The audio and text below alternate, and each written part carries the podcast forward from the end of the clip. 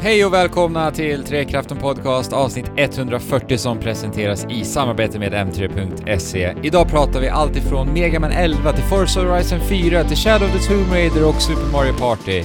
Häng med!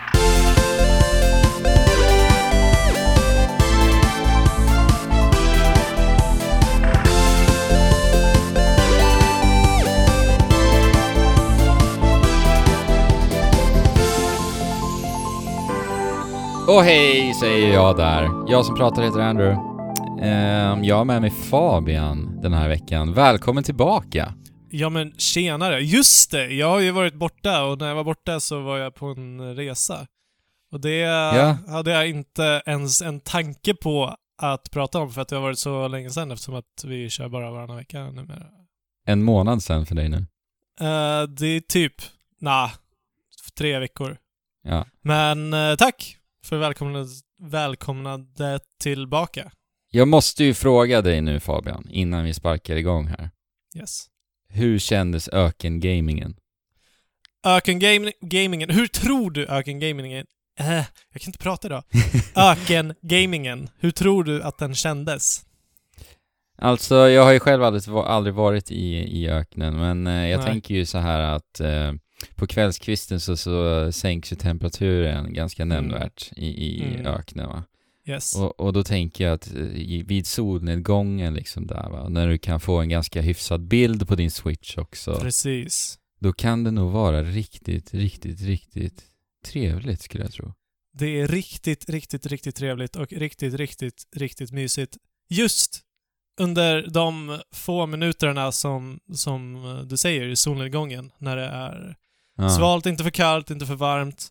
Men eh, under mesta delen av dagen så är det väldigt ljust. Och du vet ju hur det är med switchen när det är ljust. Ja, Skärmen reflekterar ju det allra mesta så det är väldigt svårt att se någonting överhuvudtaget. Jo, så precis. de bilderna som jag tog var ja, en på kvällen när det var mörkt och en på morgonkvisten när det var Mm. eh, ljust. Eller när det precis hade blivit dag och ljust. Precis, så att eh, vill ni se Fabian ökengama, då ska ni då såklart bege er till våran Instagram. Jajamän. Och länk till den hittar ni i beskrivningen till det här avsnittet, så klicka Yes. in där.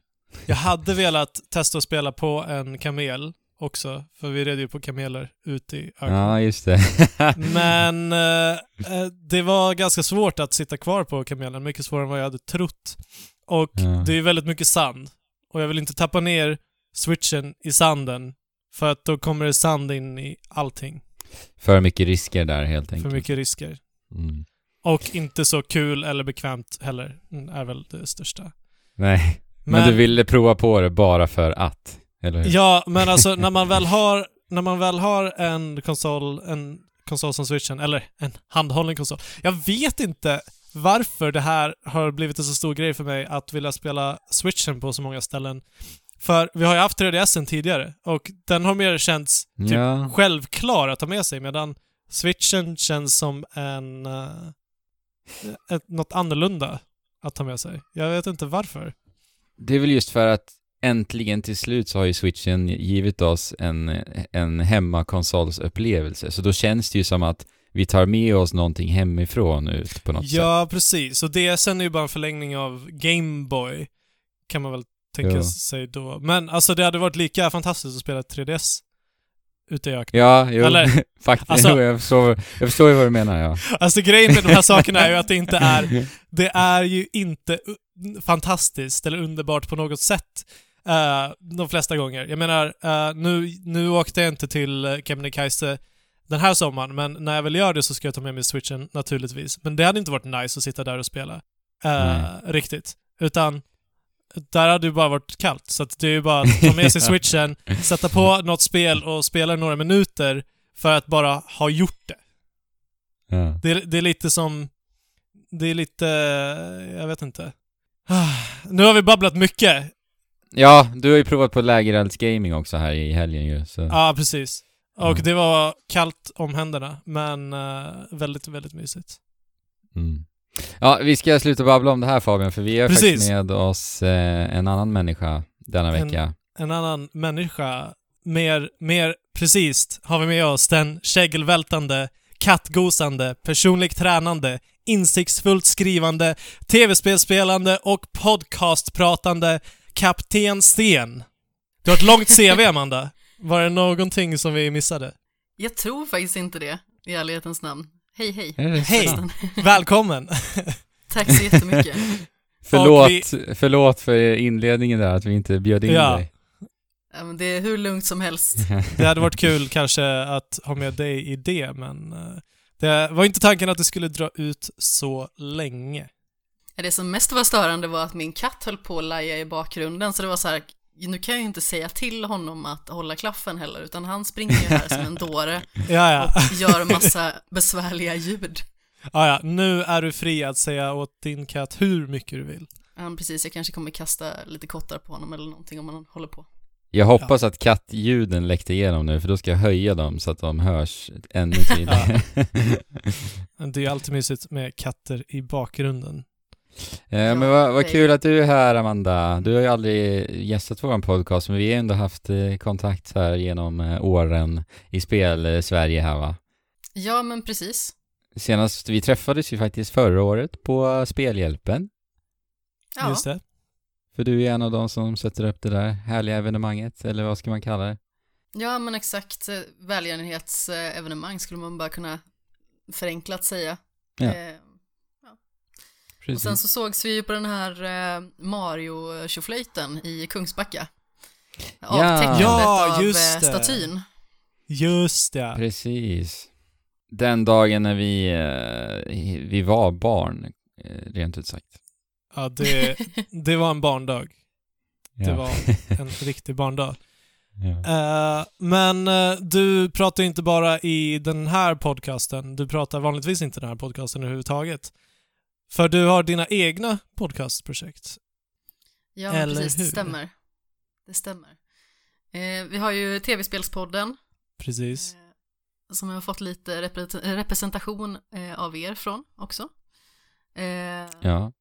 Och sedan så eh, har jag ju en nystartad podd som heter Skämshögen, fast den kommer ju ut i tv-spelspoddens eh, flöde. Ja, ja. Ja. För att eh, börja så här, sakteliga inkorporera den i ja, eten, eller vad man ska säga. Ja, ja. Mycket bra grej att ha. De som följer TV-spelspodden, alla era lyssnare, kommer bara få mer värde eh, av, av en liten extra podcast. Ja, men jag hoppas ju det. Vad handlar den om då? Skämshögen? Ja, eh, Skämshögen var från början en blogg som jag startade för, vad kan det vara, ungefär två och ett halvt år sedan, eller i början av eh, 2016. Och i Mm. början var det bara kring spel, och framförallt då spel som jag faktiskt har missat. Mm. Sedan blev det att jag bloggade om lite aktuella grejer också, och att eh, jag gjorde en del listor och sånt. Men sen så kände jag liksom att jag vill, i och med att jag har så mycket med spel i allmänhet, jag har skrivit eh, för IGN och loading och dessutom så eh, pratade jag om tv-spel också, så kände jag att jag vill kanske bredda mig lite grann till och eh, ha med film och serier och sånt där. I allmänhet nördigheter för att eh, men bredda spektrat lite grann. Mm. Inte för att det är tråkigt att prata om spel på något vis eller skriva om spel. Bara det att eh, jag har mycket att säga om annat också, känns det som. Ja, men precis. Och- Och sen, enough är enough. Det är lite ibland. Det kan bli för mycket av groda, menar jag.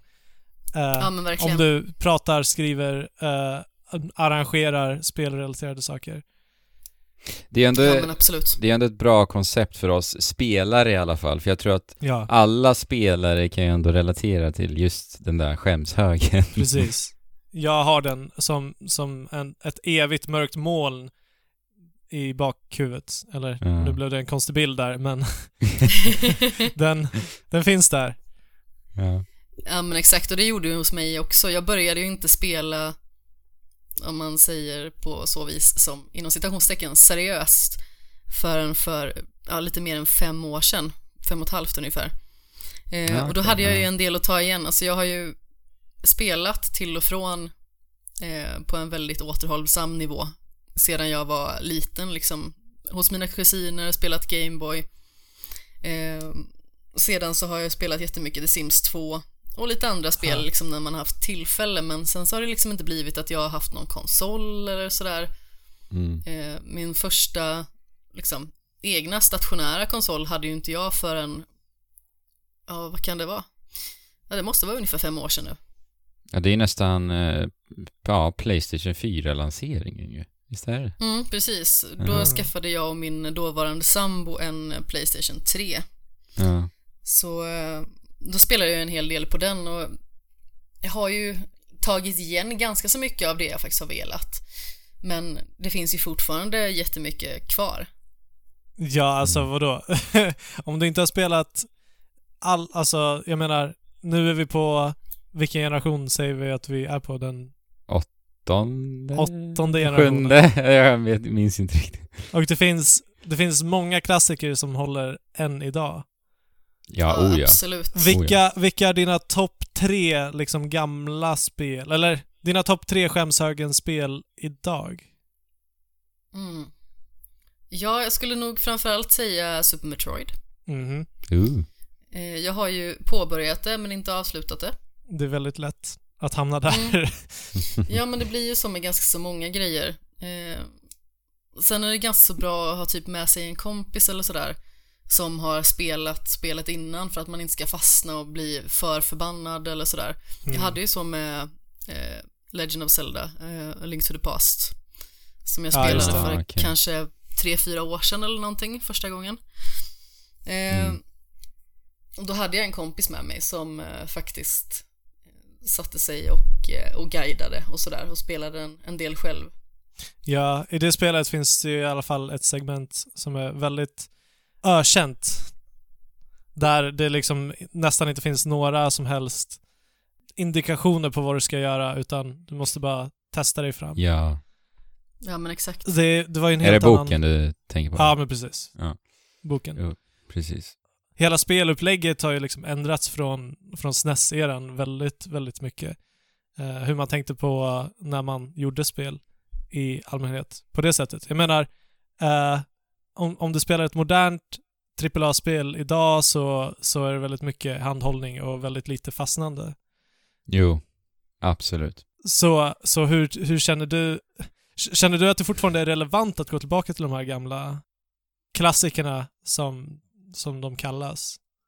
Mm, ja, inte alla naturligtvis för det känns ju som att vissa kanske är lite överhypade men vissa håller ju också idag. Det tycker Mm. jag verkligen att Link, of, eller Link to the Past gjorde. Mm. Den, är, den var fantastisk, den Ja. upplevelsen. Mm. Så jag är väldigt nöjd med att jag faktiskt tog mig an den. Mm. Så, Men eh, jag måste bara nämna en liten detalj angående din podcast. Eh, alltså skämshögen pratar vi om då. För det är ju just för att det är just din. ja. Alltså att du, eh, det är bara du, Amanda. Ja, det är bara jag. Ja. Det, det måste ju ändå vara ett, lite speciellt i början, eller? Det är ändå en utmaning kan jag tänka mig att faktiskt prata, alltså ha, hålla en monolog helt enkelt. Ja, det kan ju både liksom för egen del kännas ganska så fånigt när man väl sitter där och bara pratar på egen hand. Ja. Och, och sedan Ja. liksom när folk frågar, bara, hur känns det bara att sitta och prata med sig själv? Tänker man liksom Ja. att ja, det känns ju som någon form av eremitgrej här. ja. Men, eh, ja men det är någon form av eh, så märklig förtjusning ändå för att det känns ju så himla fånigt att bara sitta och prata ut i tomma intet med ingen Mm. alls. Samtidigt så blir det ju en helt annan typ av upplevelse. Det blir ju nästan mer som en berättelse Ja, eh, precis. Precis. snarare liksom än att man har den här liksom naturliga improvisationen och sådär som man Mm. har när man sitter och pratar med någon annan. I och med att man inte interagerar med någon så har man ju liksom ingen som säger emot den eller som Nej. Kommer med tycker några inputs annorlunda. överhuvudtaget. Nej men exakt, utan det är bara att jag sitter och blajar om vad jag tycker och känner så får man kanske typ argumentera lite med sig själv. Ja. Det händer, det händer ju inte så jätteofta att jag behöver göra det för att jag tycker ofta som jag själv tycker. ja, det är bra. Det är väldigt Men- tur det. Det måste vara ganska karaktärsbyggande också. Tänker jag. Eller jag menar, det, det är en vanesak så, du, så snart kommer du vara van vid, vid det. Då har du det Ja. med dig. Jag tror att framförallt att jag behöver rutinen jag gjorde ju ett eh, soloavsnitt i TV, tv-spelspodden när ingen annan kunde vara med. Ja, just Okej. det. Mm. Eh, och satt och pratade. Eh, och då blir det liksom, det blev en liten chock för mig när jag satt och spelade in det här avsnittet, för avsnittet blev 40 minuter långt. Det Och är jag bra satt- jobbat. Tack så mycket. Jag satt från klockan 10 på kvällen till klockan 5 på morgonen då om vi inkluderar klippning. Oj. Oj. Och att jag lyssnade igenom avsnittet den gången också. Men vänta, hur, hur var arbetet, ditt, ditt tillvägagångssätt då? Satt du bara och improviserade och snackade om det du hade tänkt snacka om, om du hade dina kompanjoner med dig? Eller, eller försökte du typ så skriva rader som du sedan snackade in, eller? Det jag gör det är att jag, eh, till exempel om jag har en lista, det hade jag ju i, i det avsnittet. Ja. Då bara styltar jag upp vilka har jag liksom eh, med mig här i spelform. Jag har, ja men, den här typen av spel jag sitter och pratar om eh, i den här ordningen. Och sedan så går jag in kanske på någon sida om jag behöver lite ja, men så här stödfakta och sånt. Så Ja. bara klist- klistrar jag in faktan under själva titeln på spelet. Och sen så bara pratar jag. Och då gör jag ofta som så att jag liksom pratar så långt som jag känner liksom att jag har någon form av substans. Och sedan så pausar jag. Okej. Mm. Och sedan så repeterar jag det. Ibland så känner jag liksom att, oj, fasen sa jag det där för? Det låter ju helt från vettet. Då kanske jag tar bort det och så försöker jag omformulera det och så det, fortsätter det så. det Det, känns ju tar rätt... ju en bra stund. Ja, Ja. precis. Det, det är väl en ständig utveckling att göra det där själv nu också då. För jag vet ju själv hur det är att, att eh, vi har ändå poddat nu i tre år. Och eh, alltså, vi utvecklas ju hela tiden såklart. Och man kommer på tekniker för hur man ska göra, jada jada. Så. Ja men exakt, och just när man sitter själv också, jag tror att man kommer nog lättare hitta genvägar för att kunna göra det snabbare också. Så att man liksom Mm. inte sitter där till småtimmarna och så är man frustrerad och trött och så vill man bara få iväg avsnittet. Så som det var första gången. Ja, okej, ja.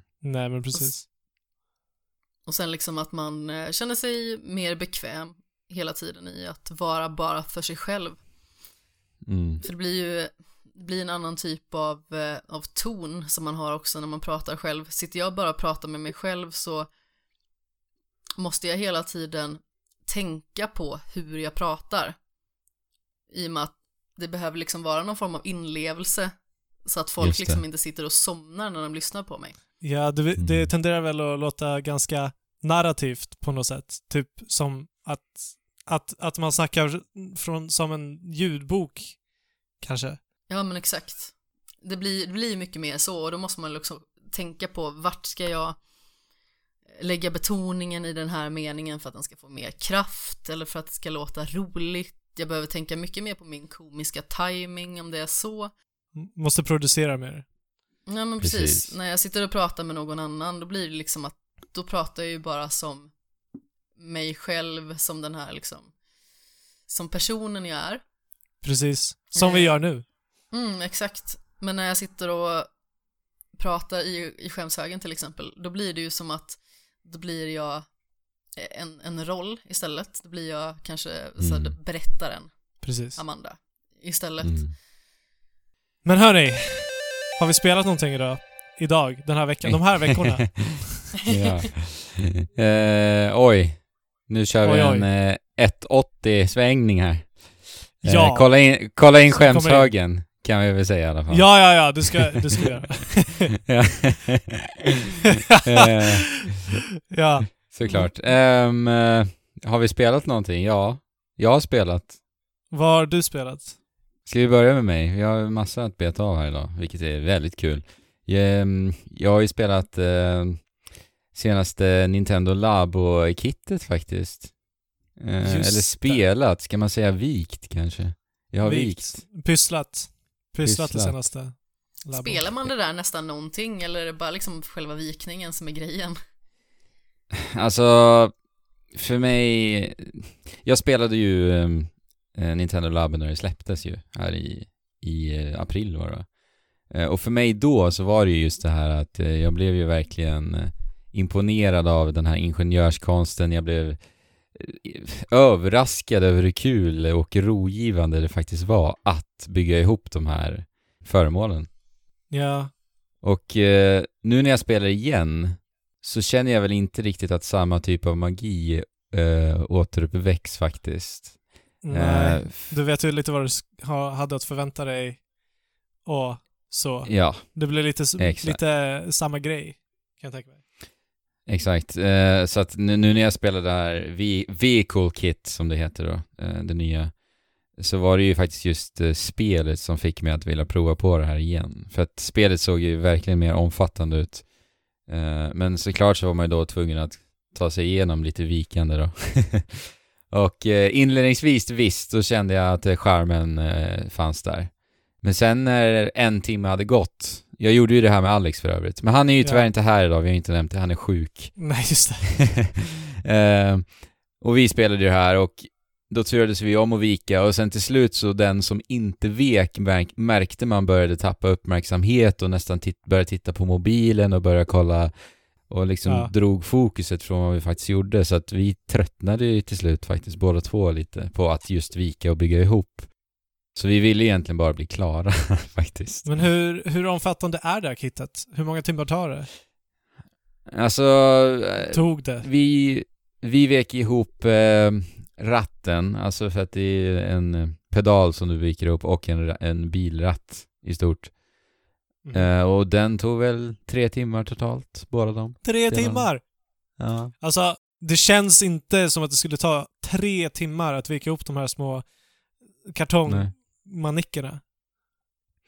Ja men alltså det häftigaste med Nintendo Labo, det är ju just att se svart på vitt framför dig på bordet hur de här sitter ihop. Alltså för det är verkligen otroligt imponerande. Och det är imponerande på det sättet också att när du bygger så tänker du varför är den här här? Det är ju helt, det är fullkomligt ologiskt. Men sen eh, tio minuter senare så bara, jaha, det är ju såklart därför, liksom. Så att eh, alltså återigen, ingenjörskonsten är alltså häpnadsväckande häftigt alltså. Så det är väl det jag tycker är tjusningen med det. Just den, att uppleva hur det här hänger ihop. Har du, har du haft en monolog? Ja, jag tror det. Ja, men vad bra. För du försvann. Ja, ni... Okej. Eh, vad hörde ni Så- sista? Ingen aning. Eh, Nej. Det var typ en halv minut du var borta alltså. ja. Eh, vi, vi vi gör så här, jag får klippa ihop det här till något roligt bara, så struntar vi i Ja. det. jag tror att lyssnarna kan ha överseende med att man kan ha lite knackigt internet. Mm. Yes. Eh, men ja, jag, jag skulle säkert komma någonstans med det jag sa. Eh, men nu bröts det bara, men strunt samma. Och finns det något värde i spelet? Ja, alltså det gör det. Det, det är såklart ett, helt klart ett större värde i spelet i detta än i tidigare Labokit. Eh, det är en stor öppen värld och så glider du omkring i, din, eh, i ditt fordon. Och då när vi har alltså rattdelen och pedalen, då är det då, ja, vi styr omkring på en bil helt enkelt. Och sen så har man en nyckel som man sätter in i den här ratten. Och den här nyckeln kan du då Ah, ta ut och stoppa in i de andra två eh, fordonen som du bygger. Och det är ett flygplan, men då är det ju bara en sån här joystick eh, som du bygger då. Som du styr flygplanet med. Och sen är det en, eh, ja, ett undervattensfordon. Så du kan ju sömlöst byta fordon när du har alla tre ihopbyggda. Eh, så, så ska man... eh, Smart alltså. och så ska man då ta sig an lite aktiviteter i en helt öppen värld och det är ju lite så här utforskande och du ser saker i miljön som ser lite förnuliga ut och så vet du att det är, ja, troligtvis någonting där som du har att göra. Så att det är klart, klart bättre, men eh, det är inte så bra att jag skulle sätta mig ner och, eh, alltså en fredagkväll och bara, ikväll då jäklar ska jag spela Vehicle Kit, Nintendo Labo. Nej, nej, jag förstår det. Mm. Men, men alltså, det låter ju helt genialt om du skulle varit fem år. Exakt, det är ju det. Hade jag varit yngre då hade jag ju, jag hade ju gått i taket för det här.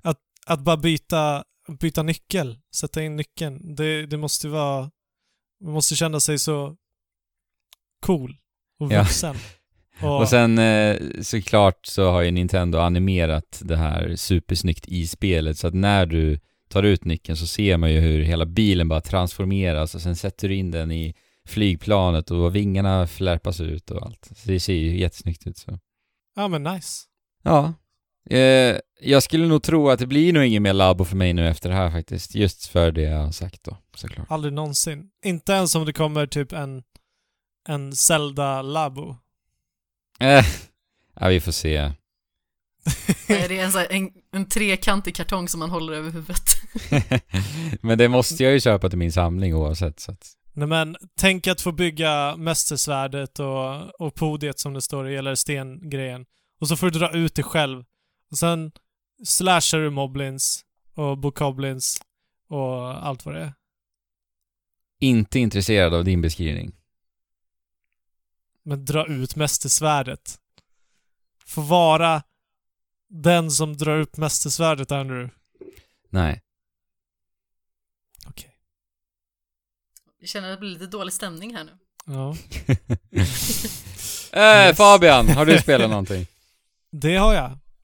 Jag har spelat The Messenger och Mega Man 11. Wow, Men jag har inte spelat ut något av dem. okej. Tänkte snacka lite om båda av dem ändå. Mega Man The 11 är ju... Pur... Ja, förlåt. Ja, det är purfärskt. Men eh, jag vill börja med The Messenger ändå. ja, men gör det. Ninja-spelet. Det, är på, det ser ut att vara liksom, lik- liksom Shovel Knight och, och de här gamla, eller de här nya åter, återupp, återtolkningarna, eller vad det nu heter, av de gamla spelen. Ja, De gamla ga- våra gamla klassiker.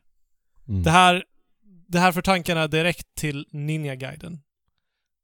Du har ja, bara sett, du har bara sett trailern än så länge, Andrew, eller? Ja, ja, och jag har ju tittat på lite, lite spelsekvenser såklart va. Yes. Är det Och- många förjävliga fåglar med? Eh, inte så många som, som du kan tro. Om du har spelat många gamla NES-spel. Det, det är väldigt mycket mer strömlinjeformat än vad de gamla NES-spelen var. För att där kunde du knappt komma förbi en skärm utan att uh, någonting kändes nästan orättvist. Eh, att du var tvungen att göra pixelperfekta saker för att inte ta någon skada över en hel bana. Och så vidare. Det här är ju moderniserat på många sätt. Det ges ut av Devolver Di- Digital och är utvecklat av en studio som heter Sabotage Studio. Ja, vad har de gjort innan? Ingen aning. Jag tror de Mm. är helt, helt okända. Vad, Mm. vad jag vet. Ja, Jag känner Jag inte igen det heller. Det här spelet börjar i en eh, ninjaby med våran protagonist som eh, verkar vara en väldigt ointresserad ninja som inte vill, vill vara med på alla övningar och saker. Men på den här dagen då, då vi får lära känna den här ninjan så eh, går världen under. Och hel- helvetes alla hemskheter bryts lös och alla i, alla i byn dör byn bränns ner. Nej. Men enligt den gamla legenden så kommer The Messenger, eller så, så ska en av de här från byn vara The Messenger och eh, ska invänta en av eh, någon, någon kille eller tjej som kommer på en eh, flygande fenix och ge, ge en ninja en scroll. Vad heter det? En pappersrulle? Pergamentrulle? Pappersrulle, det tyckte jag var en bra översättning. Så, som denna, som denna ska, ska leverera helt enkelt.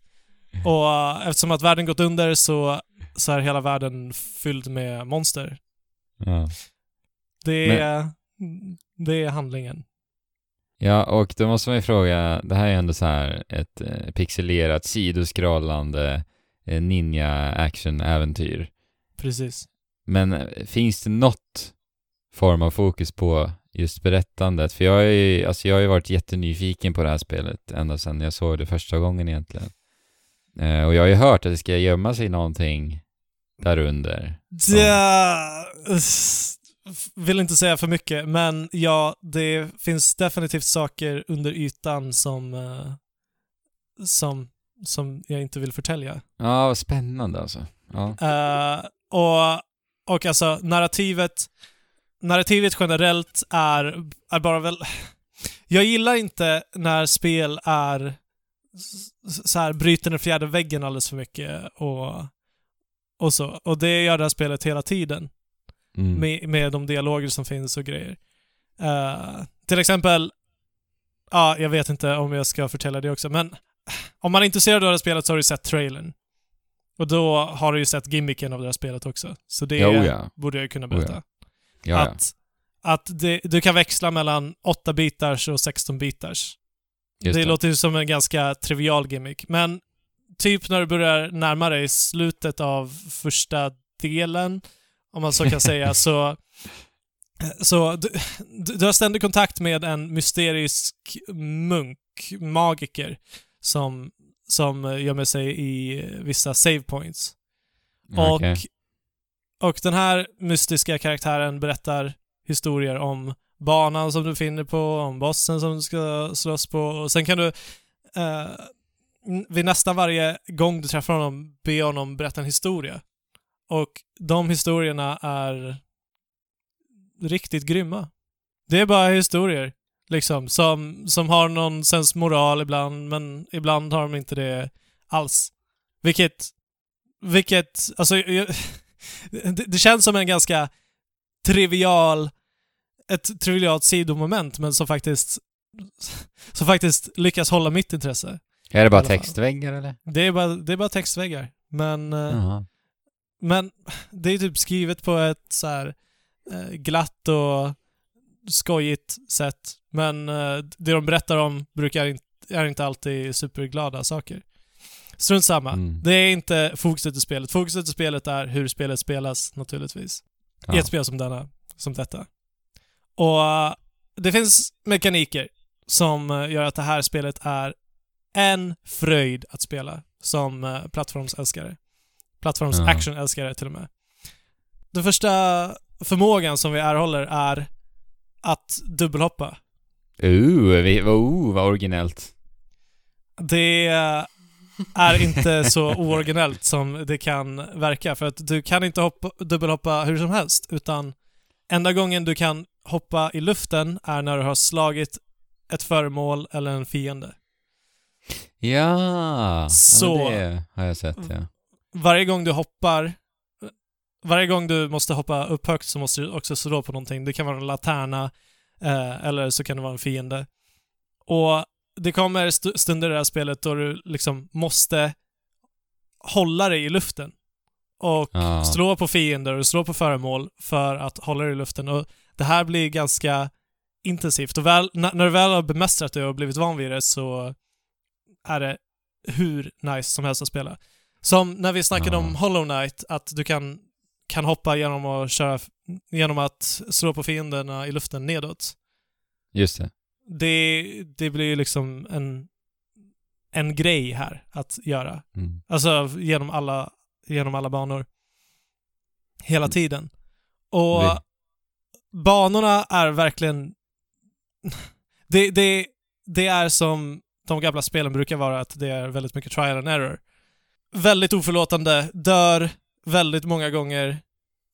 Vissa, vissa partier är lite liksom stick, no, inte stick it to the man. Vad heter det här spelet som är väldigt oförlåtande? Ja, eh, Super Meat Boy. Ja, inte Super Meat Boy, men lite Super Meat Boy. Eftersom att du har inga, du har inga liv utan du respawnas alltid vid en checkpoint. Eh, Ja. Och, vad heter det? Inte belöningen. Vad är antonymet till en belöning? Bestraffningen för Bestraffning. att du är, är inte att du måste börja om, utan ofta så är checkpointen väldigt, väldigt nära en svår plattformsutmaning. Mm. Men eh, då, då kommer en liten uh, djävul, typ. En, en liten jävel. Och En liten återupplivar dig. jävel. Ja, men det är en liten jävel. ja. Men den här jäveln är inte bara snäll och återupplivar dig, utan eh, den här djävulen kommer att förfölja dig och äta upp dina, eh, den, den valuta som du samlar på dig för att köpa bättre uppgraderingar och så vidare. Eh, en viss tid. Du förlorar egentligen ingenting på att dö, men du förlorar möjligheten att samla på dig valuta under en viss tid. Helt enkelt. Vilket, är vilket är en ganska, vilket är en ganska så här. okej. Eftersom att det är ett spel där du dör väldigt mycket så vill man ju inte behöva göra om allt för mycket. Nej. Eller hur? Det, det tycker jag känns tråkigt och oinspirerat idag. Jo. Ja, men det behövs ju kvickt liksom. Ja, men precis. Och det, vi vill ha lite, jag, jag vill ha lite meat på det, att så här, om du misslyckas så bara på det igen. Eh, och det här spelet är designat så, så att det blir lite som att det finns någon meatboy-skärm vid varje, vid varje bana som du måste ta dig, ta dig över. Och så finns Ja, det svåra det är- utmaningar såklart och så vidare. Det är ju lite så Celeste är uppbyggt också. Mm. Mm, jag skulle precis säga det. Alltså Mm. både Super Meat Boy och Celeste gör ju faktiskt det jättebra att det går ju liksom en fingerknäppning så är man tillbaka och kan påbörja sin spelning igen. Ja. Så att det liksom inte blir att man måste kolla på en långsam animation när man dör och så ska man Ja. återuppliva och så kommer en svart skärm och så måste man pilla naveludden en liten stund och sen så Ja, kanske man måste startas igång lite grann. Alltså det är Ja. så tråkigt som man avlider. För att inte Ja. tala om att typ få slut på liv på sista skärmen på banan och sen behöva göra om allting igen. Och sen en liten detalj som, eh, som, eh, eller ett trick som de använder också för att eh, eliminera det, det stapplande spelandet, det är just att musiken alltid bara fortsätter. Så att musiken stannar ju inte när du dör, som i till exempel Super Mario. Mm. Där vi, där vi Nej, hör precis. "Trattu-da-da-da-da-da-da", och sen så, så ska man se hur många liv man har kvar och sen så kör man. Utan i Celeste och Meat Boy då liksom, ja, då går musiken hela tiden. Ja, det är väldigt smart trick att få det att kännas sömnlöst. Ja, Här- precis. Här träffas vi av en laddningsskärm och sen så börjar musiken på nytt när du respawnas tillbaka. Laddningsskärmen tar inte så lång Mm. tid. För övrigt, riktigt bra musik i det här spelet. I samma stil som de gamla Castlevania-spelen, Mega Man-spelen och så vidare. Mm. D- det är väldigt trallvänliga låtar som, som ändå känns moderna på något sätt. Eller, de känns inte moderna för de känns gamla, men de funkar idag. Ja men lite som, retro. Ja eller hur, som Shovel Knight också ju, för tusan. Ja, ja men precis. jag tror Eh, inte- Ja men jag gillar, jag gillar verkligen trailerlåten faktiskt. En Mm. mm. släpptrailern de släppte, det var en sjukt bra låt till den. Ja. Vissa spår är bättre än andra naturligtvis. Men eh, det behöver man inte säga. Sen, det här... det, det här... eh, Okej, The Messenger gör, är väldigt bra på att förvåna dig hela tiden. Även om det är små saker som en oväntad... Som att en boss reagerar på ett oväntat sätt när du väl har, eh, har besegrat den. Jaha. Åh, nej, men okej. om, du, om du ger in i The Messenger och fortsätter spela det, bli förvånad. Eller så förvänta dig att bli förvånad. Men det kanske, att säga så... att säga så kanske förstör hela... Mm, hela Jag ska bli förvånad. men, att säga så kanske förstör hela... Borde, borde jag säga det? Borde vi klippa, klippa bort det? Ja, nej. Nej, Vi behåller Nej. det. Det är roligt. Ja, ja. Nej men jag vet inte. För att jag vill ju prata om de här sakerna som förvånar, men jag vill fortfarande inte göra det. Så att... Vi vet att det är Eh, någonting som lurar under ytan av det här spelet. Eh, Ja... Ja. Och du vill prata om det men du vill inte förtälja det för stackars lyssnare som potentiellt vill spela Nej. spelet. Nej, men kolla. Alltså, om... Om du gillar de här gamla återupplivningarna av gamla retrospel, nya återupplivningarna av gamla retrospel, kör. Och du känner att eh, mekanikerna känns eh, tillräckligt fräscha för att, för att det eh, får det att kännas modernt också? liksom? Det är inte... Det är kul. Men Ja. det kanske inte är eh, liksom superinnovativt på något sätt. Nej. Men du, får, du erhåller nya förmågor allt efter spelets gång, som att du kan eh, sväva som en flygekorre. Ja, Och så, får en, och så får du en hook, en, en hookshot. Som de till och Mm. med säger, det heter inte hookshot, jag kommer inte ihåg vad det heter, men de säger i spelet det här, den här, det här föremålet heter det här, vad det nu är. Men alla kommer Okej. att kalla det hookshot, säger de. Så att, Jaha. ja, det, det hade de väldigt rätt i. Ja. Eh, ja, kul utmaningar. Gillar plattformsspel, action i 2D, kör. Det här spelade du i öknen eller? På Switch va? Yes. Ja. Men jag är som sagt inte helt färdig med det, så att det kanske det kanske förvånar ännu mer framåt Ja. slutet. Det finns till PC också vet jag. Det finns till PC och Switch. Ja, Jag är så sugen på det här. Det är, ligger på min, eller i min skämshög nu. Ja, Gör det. tills vidare. Amanda, har du betat av något spel från din skämshög eller? Nej, jag har faktiskt inte betat av något spel i skämshögen. Eh, däremot så har jag spelat andra spel. Ja. Massa nya Ah, spel. nice. Det är ju Eh. det med skämshögen, att det alltid kommer nya spel som... Ah. Så att det bara läggs på och läggs på och läggs på. Ja, men exakt, det är ju så. Och framförallt så har det ju blivit så jättemycket det senaste. För jag tänkte ju liksom att jag äntligen skulle ta, ta tag i Mass Effect, till exempel. Eh, och sen så började det rulla på spel. Och så har jag haft en ganska så intensiv period med spel. Först eh, Spider-Man och sedan Shadow of the Tomb Raider och nu Fifa 19. Så jag Ja. parallellspelar ju Shadow of the Tomb Raider och Fifa 19. Men jag är inte helt klar med Spider-Man heller för att det var ett sånt här spel som jag verkligen nästan vill göra allt i.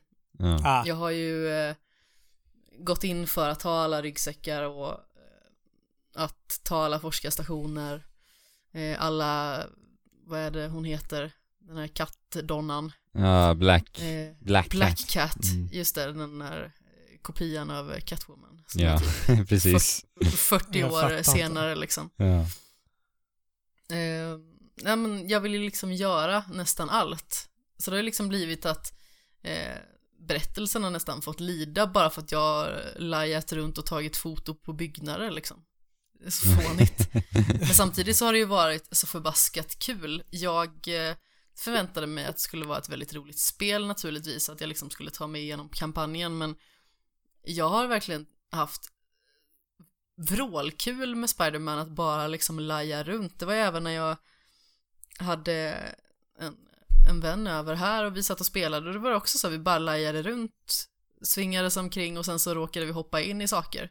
Mm. Ja. Oj, oj, där var någon som gjorde inbrott och nu kom det här, ja men vi tar den här forskarstationen när vi ändå är här. Och så höll vi på så i några timmar.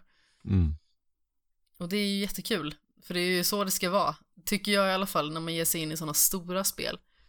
Eh, Det är väldigt leka. sällan, ja men det är väldigt sällan som jag känner att, att jag vill liksom gå in för att upptäcka världen. Mm. För det blir liksom bara för mycket generellt sett. Det blir för mycket att ta in och så känns det kanske inte riktigt alltid relevant och så det tappar sin spänning. Svingandet att, är ju... Oj. Oj, där var mitt internet, förlåt. Kör. Nej, jag har glömt av vad jag skulle säga. Nej, du, du sa typ att det är kul. ja, Och det är så det ska är vara. Kul. Till, ja. skillnad, till skillnad från många andra open world-spel där saker inte känns relevant och grejer. ja, men exakt. Det känns som att det tappar sin relevans någonstans på vägen och sen så ja, men det drar också ett negativt fokus ifrån huvudberättelsen i många fall. Att man liksom råkar stöta på saker och så verkar det skittråkigt det man ska göra om man ska rädda en kamel eller vad som man ska göra. Jag håller med. Eh, och sen så bara, ja ah, men vad fanken är huvudberättelse egentligen? Och vad fanken ska jag? Och så är det typ tusen meter bort, så ah, fan dit vill inte jag, nu stänger jag av här istället. Men vad tror du skiljer sig så mycket i Spider-Man? För att jag, jag har bara spelat det väldigt kort och min, min första upplevelse är att det, det känns som bara meningslösa distraktioner i det här också. Men vad, vad upplever du skillnaden? Det jag tycker framförallt är att man känner typ aldrig att man har en tråkig stund på något vis. Det Mm. känns dessutom som att svingandet gör otroligt mycket för Definitivt. själva spelet i sig. Alltså hade man inte haft svingande så hade det varit en helt annan grej och å andra sidan hade det förmodligen varit ett helt annat spel också. Mm. Eh, men just svingandet känns så pass nytt och det känns aldrig som att 2000 meter är långt bort. Nej. Utan man känner att ja, men det är fasen rimligt att svinga sig dit utan problem. Stöter jag på något på vägen, upp, då mular vi några elakingar där och så hopp, där hittar jag en ryggsäck. Ja, Eller vad det nu all- kan vara. svingandet är ju helt fantastiskt i det här spelet. Ja. Och alltså, man vill ju bara vara Spiderman, känns det som. Och svinga sig runt i, ja, var som helst egentligen. Och det är också det som är så himla skönt. För att man slipper att bryta illusionen också. När man liksom tar en fast travel, eller vilket man typ aldrig gör, så, så är det kanske för att man typ, ja men jag behöver gå och lägga mig om tio minuter men jag vill ändå hinna med det här uppdraget. Ja, Eller någonting sånt. Och då är det en ganska så rolig, am- liksom, eh, liten filmsnutt under tiden där ja, Spiderman liksom står på tunnelbanan med sin eh, smartphone. ja. Eller sådär. Och så är det någon som kollar upp på honom från en tidning och bara... Ja men, egentligen?" ja men alltså, vad det är ju charmigt. Ja. Typiskt Marvel. Spelet är ju inte så, alltså det tar ju sig inte själv på så stort allvar. Uh, likt Marvel inte brukar göra. Och, och så, det, det, kanske, det kanske är en faktor som spelar in för att liksom saker, det gör inte så mycket att ja, liksom hela stan håller på att gå under. Och, men jag väljer att hämta den här ryggsäcken istället. Eller ta ett foto på den här byggnaden. För att det liksom är en lekfull stämning i hela spelet. Mm. Men man skulle kunna säga att själva spelet i sig eh, på något vis förkroppsligar eh, Spiderman också för att Spiderman har ju sitt eh, with great power comes great responsibility-grejen. Eh, så det är ju någonting viktigt som händer på djupet, alltså precis som att det liksom är en allvarlig berättelse liksom under ytan. Men samtidigt så har vi ju liksom Spidermans väldigt eh, lekfulla sida. kit- ja men precis, lekfulla sida, han är skämtsam, han är latchar lite med sina motståndare, han driver med dem, han driver med sig själv. Eh, och det blir också även ytan av spelet. Att Precis. det är liksom bara runtlatchande och sen så finns det någonting djupare om man vill det. Då har det ju verkligen lyckats. Om det är, om, om de har gjort ett sandlådespel där det är kul att bara leka. Mm. Ja, definitivt. Så jag är supernöjd med det. Eh, jag har varit lite tyst här för att jag, jag har ju pratat om det här spelet i typ en timme. För, Ja. för, för förra avsnittet tror jag vi satt en timme och pratade om det här. Ja, vi har också pratat om det jättemycket. Ja. eh, och jag, tänk, jag känner att jag inte vill upprepa mig riktigt. Men lyssnarna vet mina åsikter i alla fall. Om man säger så. Ja, ja. Du behöver inte förklara dig. Nej, nej precis. Jag det känner, är lugnt. jag, jag var lite så osäker, ska jag hoppa in här och börja? Nej, jag struntar i det helt enkelt. Men jag är, jag är nöjd. Ja. Verkligen. Jag har pratat mig varm om det lite, lite här och var tidigare, så jag ska inte stjäla så mycket tid för Spiderman till. Vem eh, får bollen nu? Ska vi fortsätta med Amanda eller ska Nej, men vi jag kasta kan- den till Pandy? Ja, kasta den till mig. Jag kan! Här! Här, ta emot! Ja, men jag har en liten kortis här. Alltså det här är ju ett spel eh, som är eh, lite så här kul va? Eh, och det är kul på många sätt. Det är dels ett partyspel ja. eh, och sen är det också kul för att det är ett spel som jag har insett är enormt svårt att Alltså då recensera inom situationstecken. Vi recenserar ju inte riktigt spel på det sättet såklart i våran podd, med, eller vad ska man kalla det? Jag antar väl att folk vill, vill känna att det är någon form av recension när vi pratar om spelen vi har spelat. Men, ja. Diskussion, eller hur? Så Diskussion. säger vi. Eller monolog ibland. Eller Ge- Jag ett inte. utlåtande ett, kring... ett utlåtande. Alltså jag Ja. vet inte, allting Åsikter. faller lite in i recensions... Ja. eh, spektrat där. Ja, det så gör ju kommer det. ifrån. Ja, Så att- precis. Alltså, du kan säga att det inte är en recension hur mycket du vill, men på, no, på sätt och vis så är det ju det. ja, det är det. Ehm, och det är alltså ett spel som heter Super Mario Party till Nintendo Switch. ah, men vad kul. Det här släpps ju nu på fredag. Eh, och anledningen till att jag säger då att det är ett svårt spel att recensera, det är för att det här spelet ska ju såklart inte spelas ensam. Nej. Nej, det, det, Eh. he- det har ju till och med party i titeln. Ja, precis. Eh, och jag har ju då försökt i nästan en och en halv vecka nu att få ihop ett gäng att parta med i det här spelet. Och det har inte, det har inte funkat. Helt Nej. enkelt. Eh, Jag eh, har ju är nystartad i skolan. Det har jag inte pratat om i dagens podd heller där. Men eh, det kan vi nämna någon gång framöver. Vi får se, för det är lite intressant. Ja, det är ja, typ tyst, tyst med mig. Fortsätt. jag har börjat studera speldesign och jag är superglad Ja, för okej. det. Ja, vi tar det, vi tar det nu alltså. Nej, vi behöver inte säga mer än så. Eh, Nej, okej. Ehm, och eh, sen så har jag flyttat. Sen så har jag flyttat Yes. också. Så det, båda de sakerna har hänt. Det är ganska stora saker. Mitt liv är är, verkligen eh, jorden ett... Likt din segway Fabian tidigare här, så har mitt liv också gjort en 180-vändning. Ja, ja. Ja, det, jag det var liksom- ingen segway. Segway brukar inte vara 180-vändningar, det brukar ju vara... Jo men eh, det vart ju en segway. Du, du, gjorde, ju- du gjorde ju någon form av segway. För vi skulle helt plötsligt prata om vad vi hade spelat liksom. Ja men är inte en segway när du är smooth Förs- över- Okej, över försök gången? till segway. Försök till segway då. En kraschad segway. En kraschad segway. En- Där har vi det. En tågkrasch till segway. Yes. Ehm, ja, så att jag har Ja. startat ny skola Kaos. och jag har flyttat och jag har haft Super Mario Party på min Switch i en och en halv vecka. Jag har inte lyckats få ihop fyra personer under den tiden. Men, yes. Och det är så Men- kul då, jag vill bara nämna en liten rolig, eh, rolig scenario här som hände mig och min sambo. Vi flyttade alltså nu i lördags och i fredags så, så pratade hon och jag om att, ja men vi kanske imorgon kväll då när vi har flyttat på lördag, för vi flyttar ju så borde vi vara klara runt tre snåret där va? sen hinner vi väl... Tre snurret. sen hinner... Visst. och sen hinner vi väl eh, fixa i ordning i vardagsrummet och sen så sätter vi upp lite Mario Party-spelande, eller hur? Det funkar väl. Och har du flyttat sen, någon gång? Eh, Ja, jag har ju det. Eh, sen kommer lördagen såklart och eh, klockan är eh, ja, 11 på kvällen och vi sitter i soffan och säger Hur tänkte vi igår? Nej, Hur? Det. Nej, inte alls. precis.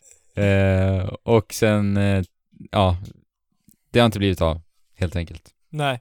Eh, vilket Förståeligt. är lite tråkigt såklart. Men jag har ju spelat spelet själv, har jag gjort. Eh, Okej. Och det är ju inte jättekul. Att spela det själv. Nej. Har Ja, något Mario Party-spel varit kul att spela själv? precis. Det har väl inte det va? Jag vet jag brukade inte. spela tidigare reinkarnation till Wii, tror jag det var, Mhm. Ja. med min eh, före detta sambo. Det var ju väldigt kul. Men jag har aldrig spelat det själv, det känns himla, jag vet inte, Ensamt. det är en emo-fest liksom. Ja. ja. Så det blir en fest på sätt och vis också då. Ja. jo. En, en negativ fest. ja, exakt. En, en inverterad fest. Exakt. Men eh, jag har ju provat på lite nya minispel och känt ändå på, på upplevelsen sådär. Minispelen känns ändå bra faktiskt. Eh, De är, känns ändå relativt kreativa.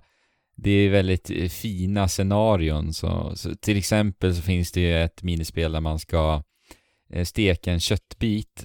Den här tror jag Ja. den här tror jag man har sett om man har tittat på trailers till det här spelet. Eh, och då represent- representerar din Joy-Con stekpannan. Ja, ja. Eh, och då är det ju då rörelsekänsligheten du använder för att flippa runt den här köttbiten och så ska du steka var- varje yta på en, en eh, köttbit som är en kub då. Och så ska du steka det till perfekt, perfekt, vad heter det? Stekgrej. Stekyta, ja. Du ska få Stekyta. stekyta på var, varje sida, ja. Okej. Precis. Det Eh, kan bli bränt. eh, lite osäker på det. Jag har inte upplevt det Okej. faktiskt. Men eh, Ja, okej. de använder ju HD Rumble-vibrationerna också i kontrollen så här, så det känns väldigt bra. Såklart. Den var, den var rolig faktiskt. Eh, sen finns det en uppsjö olika minispel, det är 80 stycken såklart. Och hela upplevelsen känns faktiskt i stort mer kvalitativ än vad i alla fall Mario Party 10 gjorde. Mario Party 10 var ju en enorm besvikelse. Alltså Ma- Mario, Ja. Part, Mario Party-spelen, alltså de tidigare, alltså ettan, tvåan, trean tänker jag på framförallt, är ju såna här otroliga spelminnen för mig. Jag har haft så himla kul med Mm. de spelen. Mm. Och sen de spelen så har jag ju bara velat få återuppliva den känslan jag hade då, eller återfå den känslan jag hade då med de spelen. Och jag känner ju inte att något Mario Party-spel sen dess har lyckats med det. Nej, de har ju gått på något konstigt spår där, där du liksom måste åka tillsammans med alla andra och allt vad det är. Exakt, i någon form av eh, Mario Party, partybil, partybuss. Ja, men nu har de gått tillbaka till rötterna lite Exakt. mer, väl? Exakt, exakt. Och det är ju fantastiskt. Och jag kan ju inte uttala mig om det för jag har inte spelat spelet, som sagt, med fyra personer. Men eh, det är ju tillbaka. Dock så är ju spelbrädorna enormt mycket mindre än så de tidigare Mario Party-spelen var. Jaså? För det, jag- det jag gillade med de tidigare Mario Party-spelen var just att, att eh, ta till sig strategier liksom. Att välja olika vägar för att liksom minimera avståndet till stjärnorna. För det är stjärnor man samlar på, den som har flest stjärnor vinner ju partyspelet. Mm. Och eh, sen att så här av, eller avgöra, jag tror här någonstans kommer nog stjärnan uppdagas nästa gång och så chansar man på en väg och sånt där. Jo, precis. Och det tror jag faktiskt tyvärr inte kommer finnas i det här spelet för att spelbrädorna är så Okej. pass små. Eh, och sen så är en estetisk detalj jag inte tycker om är att varje bräde är indelat som i ett rutnät. Och, ah, okej. och det är ju för att det ska kunna stödja det andra spelläget som är partner party. Och då spelar du två emot två och då återkommer eh, Mario Party spelläget som de introducerade i Mario Party Star Rush som du och jag spelar Fabian, kommer du ihåg det? Ja, ja. Till, till 3DS. Just det. Och det är ju då att du slår med din tärning och i antalet steg du får så kan du då välja riktning som i ett rutnät hur du vill gå helt enkelt. Mm, som i Fire Emblem, liksom. Ja. Och det gillade ju inte vi, eller hur? Egentligen. Nej. Alls. Eh, så att de vill eh, ta tillbaka det, men de gör det ehm, exklusivt för Partner Party. Men samtidigt så tar de tillbaka, går de tillbaka till rötterna med eh, originalläget Mario Party. Men Ja. då låter de brädet vara densamma. Så eh, jag vet inte vad jag tycker om Nej, det. men vänta, okej. Eh, det, det är ju gött om de har lyckats vidare, vidareutveckla det där rutnätssystemet och göra det till någonting eh, Ja. intressant. Eller göra någonting intressant av det. Men Jo. jättekonstigt att rutnätet ska behöva vara kvar Ja, när du spelar. Det, det låter bara som att det blir plottrigt. Medan ja. det jag vill förvänta mig av ett modernt eh, Super Mario Party-spel är att världen du befinner dig i ska vara under sjön. ja. Likt i typ Ubisofts, vad heter det, Mario... Mario Rabbids. ja, men precis. Typ. Man, Man vill ju att värld, alltså spelbrädet ska ju kännas som att du befinner dig i en värld och inte Ja. på ett spelbräde. Det är ju det jag tyckte om så mycket med tidigare Mario Party-spel. Ja, precis. Så att det, Jag vill backa lite. Fire Emblem, var det till switchen som ni inte gillade det? Nej, nej, nej, nej. Alltså att du går... Du går precis på samma sätt som i Fire Emblem. Där har du ett rutnät och sen så kan varje karaktär gå i eh, ett visst antal steg. Och på samma Ja. sätt så styr du din karaktär i Ja, det här... jag, uppfattade det som att ni inte uppskattade det. Nej, nej, ja, nej. nej, nej. Vi, vi uppskattar inte det i Super Mario Star Rush, men Ah, i Fire Emblem, ja. Ja, okej. Jag tänkte Men- bara såhär, vänta lite nu. Ja, nej, nej, nej, nej. Det är ett schackspel mer än vad det här... Det är inte... Ja. Det går inte att jämföra. Nej, nej. Eh, men ja. Vi får väl se hur, eh, hur det här artar sig. Självklart så ska jag ju se till att eh, fixa lite party framöver. Ja. Jag har faktiskt köpt ny, nya Joy-Cons, så jag har fyra stycken nu, så att Ah, man gött. kan eh, vara redo att spela party hemma hos mig när man vill. Men eh, du spelar med bara en Joy-Con? Ja, det kan jag ju nämna, att det här spelet funkar enbart att spela med en Joy-Con. Du kan inte använda Pro-controller, du kan inte koppla ihop Ah, ja. Joy-Con-kontrollerna i ditt Joy-Con-grip heller.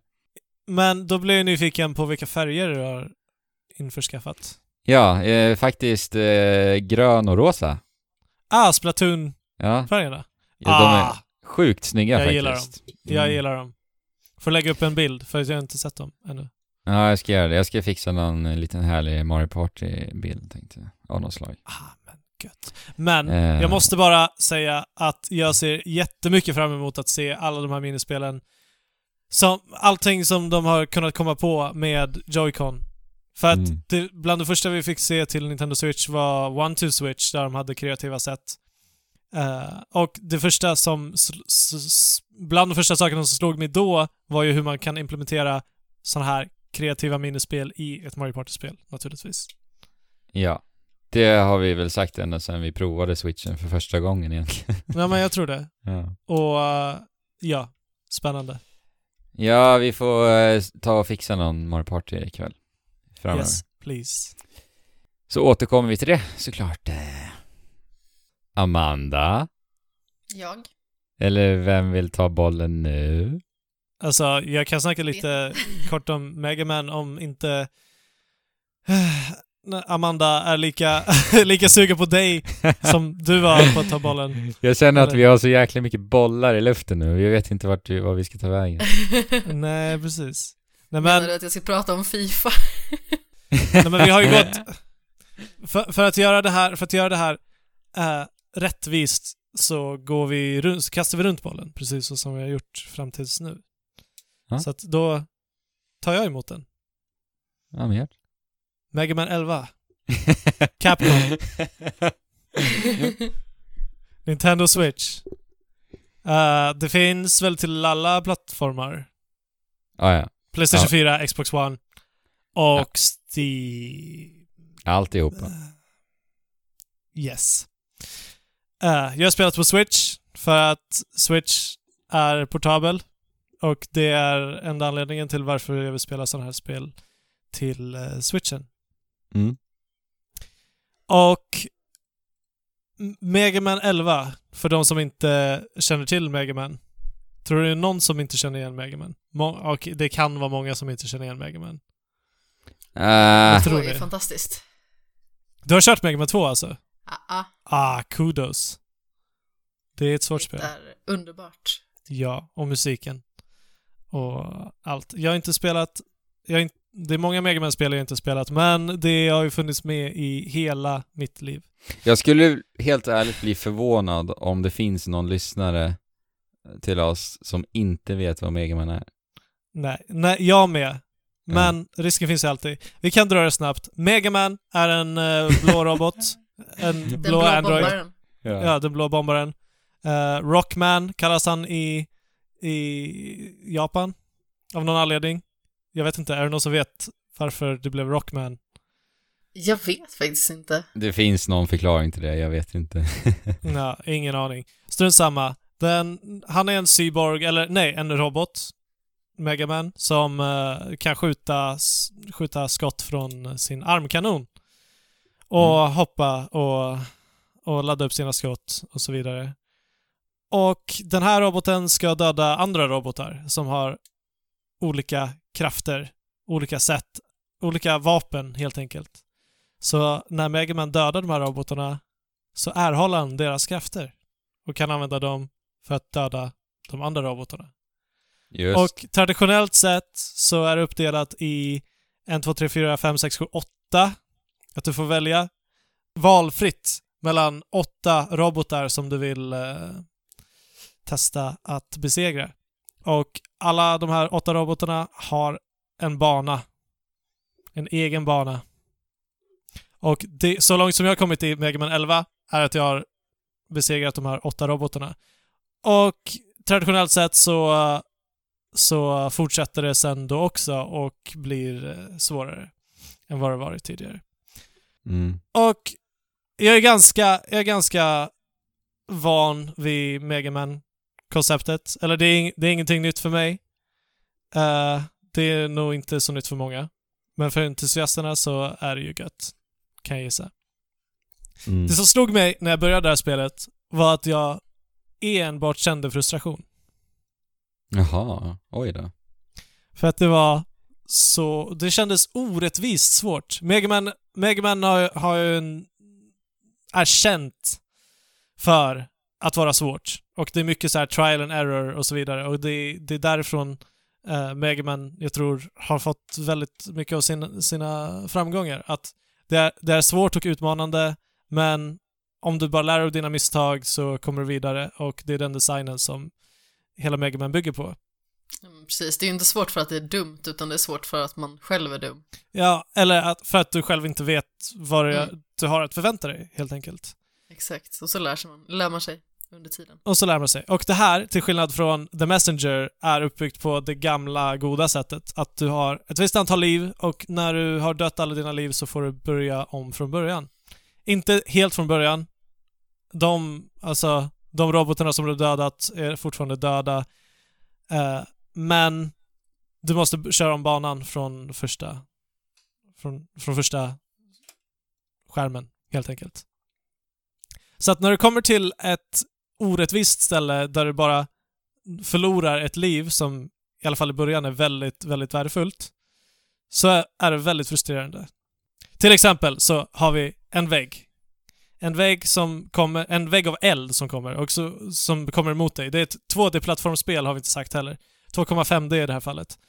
Eh, uh, så, så, och så är det hinder som du måste ta dig igenom och sen mitt i det här så, så är det ett du måste vara perfekt placerad för att komma igenom en liten, liten öppning i plattformar för att inte elden ska sluka dig och du ska sprängas. Och det kändes orättvist. Väldigt orättvist. Men känns det liksom som att den här typen av svårighet i spel börjar bli lite förlegat? Ja, alltså när, när det nästan känns omöjligt svårt. Ja, eller ne, inte omöjligt svårt, men onödigt. Det är liksom bestraffande bara för... Och det, det är liksom inte så att du...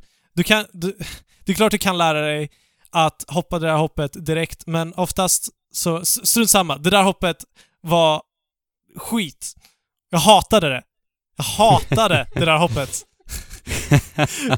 jag, jag tänker inte stanna kvar vid det något mer. Är du säker? Det låter som att du behöver prata om det ja, det, ja. ja, men jag var tvungen att köra om banan flera, flera gånger. eh, för att mina liv tog slut och grejer. ja. Men det, det jag inte insåg, och sen så testade jag flera banor och bara dog och dog eh, och blev mer och mer frustrerad och eh, fattade inte vad jag skulle göra. Om jag ens ville fortsätta spela. Vad Men var sen- det du inte insåg? Jag insåg ju inte att det här spelet, att dels ska du utnyttja dig av de två huvudmekanikerna, eller framförallt den huvudmekaniken som finns i det här spelet som är annorlunda från tidigare Mega Man-spel. Mm. Eh, och det är att du har kraften att stoppa tiden. Eller att, inte stoppa tiden, men att slå ner tiden. Som bara den. Ja, okej. Hur funkar det här då? Det funkar på väldigt många sätt. Jaha. Men vad menar du mer specifikt? Nej men vadå? Du, du har någon form av mätare som... Du, ja, just det. Du har en mätare på kanske fem sekunder eller något som, som fylls upp. Och då, när, när den har fyllts upp så blir, så blir du överhettad. Men du kan när Mm. som helst trycka A och när, när du är överhettad så måste du vänta på, på, den, att- på mätaren att gå ner igen helt och hållet. Jag vet inte om det Mm. kanske tar till och med lite längre tid än om du inte låter den överhettas. Eh, Mm. Men du kan när som helst stänga av den här kraften så att den liksom går ner igen och sen så sätter du på den igen och så vidare. Vilket är en riktigt rolig mekanik. Och när jag lärde mig behärska den här så blev hoppet inte så eh, svårt längre. Ordentligt. Jaha, du menar hoppet och inte hoppet. Nej, eller hoppet kom, kom ju tillbaka till viss del. Men inte Ja. bara för, för det här. Eh, utan också för att jag insåg att det finns en eh, butik som Dr. Light har. Dr. Light Mm. är den goda och Dr. Wiley är den on- onda forskaren. Var. Ja. Och Light är också skaparen av Mega Man och han kan sälja massa uppgraderingar till Mega Man som gör spelet väsentligt lättare. Till exempel, I början när du stoppar tiden, eller slår ner tiden, så går Mega Man också lika långsamt som allting runt omkring honom. Mm. Men med en sån här grej som du kan köpa, eh, uppgradering, som du kan köpa och sätta på dig så eh, rör sig Mega Man i liksom vanlig, i sitt tids... I sitt vanliga tids... Ja, han rör sig som vanligt och allting annat stannas upp, helt enkelt. ja, jag förstår. Och det gör ju den här väggen, den här eldväggen och hoppet väldigt trivialt. Ja, just det. Och, Men eh, är det, Här- är det likt de gamla att du kan hitta den här optimala vägen på något vis också? Alltså, Ja, ja. ja. Alltså det är ju, det är ju trial and error och alltså när du har kört banorna några gånger, kanske misslyckats några gånger, så, så du lär dig ju hur du ska hoppa för att döda de där fienderna som kommer in på skärmen precis i det tillfället och så vidare. Vilket, vilket fortfarande känns lika bra som det gjorde för 30 år sedan eller vad det är. Mm, när, när uh, Mega Man 2 var på allas munnar. just det.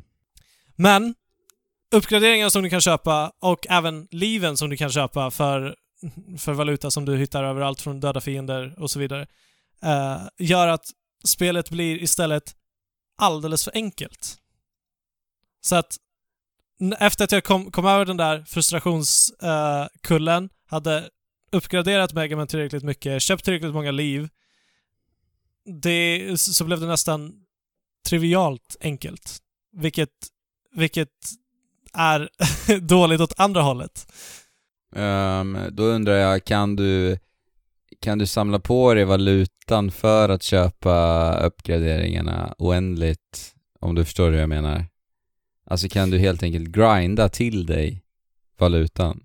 Eller? Precis, och det var ju det jag gjorde i början när jag misslyckades hela tiden. Och Okej. eh, sen när jag, när jag upptäckte det här så, hade jag, så kunde jag köpa allting helt enkelt. Och eh, liksom fulla energi, energireservoarer, livsreservoarer och Men eh, oj, liv och så vidare. vilken, vilken märklig upplevelse du får då. Ändå. Ja, och det, det är ganska konstig design, eller i och för sig så gör ju designen så att om du är för dålig, som jag uppenbarligen var i början, så, så blir spelet enklare. Ja, men det kanske borde Också. funnits något stopp på eh, hur mycket valuta du kan erhålla eller någonting. Ja, det finns det, men det är liksom typ 10 000 och du köper ett liv för 50. Ja, Så då att- skulle de ha sänkt ja. den tröskeln alltså. Kanske, jag vet inte. Men Mm. någonting här med balansen gör, gör att jag inte får riktigt den utmaningen som jag förväntar mig av ett Mega Man-spel. I slutändan. En 180 Vilket- igen alltså. Vilket är ganska tråkigt. Fast jag har fortfarande kul med det här. Och alltså, jag vet inte. Det... Jag blev bättre på spelet också. Det är kul att köra en bana för första gången och i princip köra över den. För att om, Mm. om jag skulle dö... Du, du, du, ni vet hur det är att komma in i det här flowet, speciellt i Mega Man-spel, när allting bara går som på räls, även om det är liksom saker som händer överallt och hela tiden och du på något sätt lyckas ta dig förbi det. Det känns ju Mm. Man alltid vet bra. inte riktigt vad som händer heller. Nej men precis. Det... Jag vet inte vad det är som. Men det känns riktigt bra. Men det som är lite intressant med det här Mega Man-spelet, jag vet inte om du, ni vet det här, eh, det är ju att det här är ju det första Mega Man-spelet på väldigt, väldigt länge som faktiskt är utvecklat utav Capcom. Mm. Ehm, Vänta, för att, för att vad hände me- med Meg... ja, Mega Man 9, 10, eh, 8, 9, 10 tror jag till och med, är ju, Ja, just är ju utvecklat utav Integrates. Ah ja. Det här är ju utvecklat utav Capcom själva. Ah, ja. Ja. ja men De tre är så är väl typ hyllningar till liksom Ja, till hela Lite de Magnus. första spelen. Ja. Ja. Men eh, den andra mekaniken är att du blir starkare. Alltså att dina skott gör mer. Alltså, För att du har två mekaniker som fyller upp den här eh, mätaren. Det var den ena stoppar tiden, den andra gör att du blir starkare och eh, alla vapen blir liksom, får level 2 Mm. helt enkelt. Och det här är tanken att man ska balansera på något sätt, men jag finner inte riktigt någon större användning för att använda eh, styrk, alltså power-funktionen, utan jag använder tids, tidsdilatations, eller tidsstoppningsmekaniken hela tiden. Och, och det, det är kul. Alltså, det, det är en kul mekanik Ja. Som, härligt. som nyttjas väl än så länge. Och jag hade inte tänkt prata så här mycket om, om det här spelet för att jag är inte färdig med det än. Så att jag återkommer med slutgiltiga, vad jag tycker, slutgiltigen. Ja. Tack för att ni lyssnade. alltså. det, nu får ju du Nu- slänga bollen vidare Fabian. Nu kastar jag över bollen till Amanda. Ja, och jag fångar. Ehm, ja, vad ska jag ta? Jag kan väl prata lite om, om Fifa då. För Andrew, du har väl också spelat Tomb Raider? Nej, jag har inte det. Vänta. Tomb Vänta. Raider, Fifa... Ja, ja.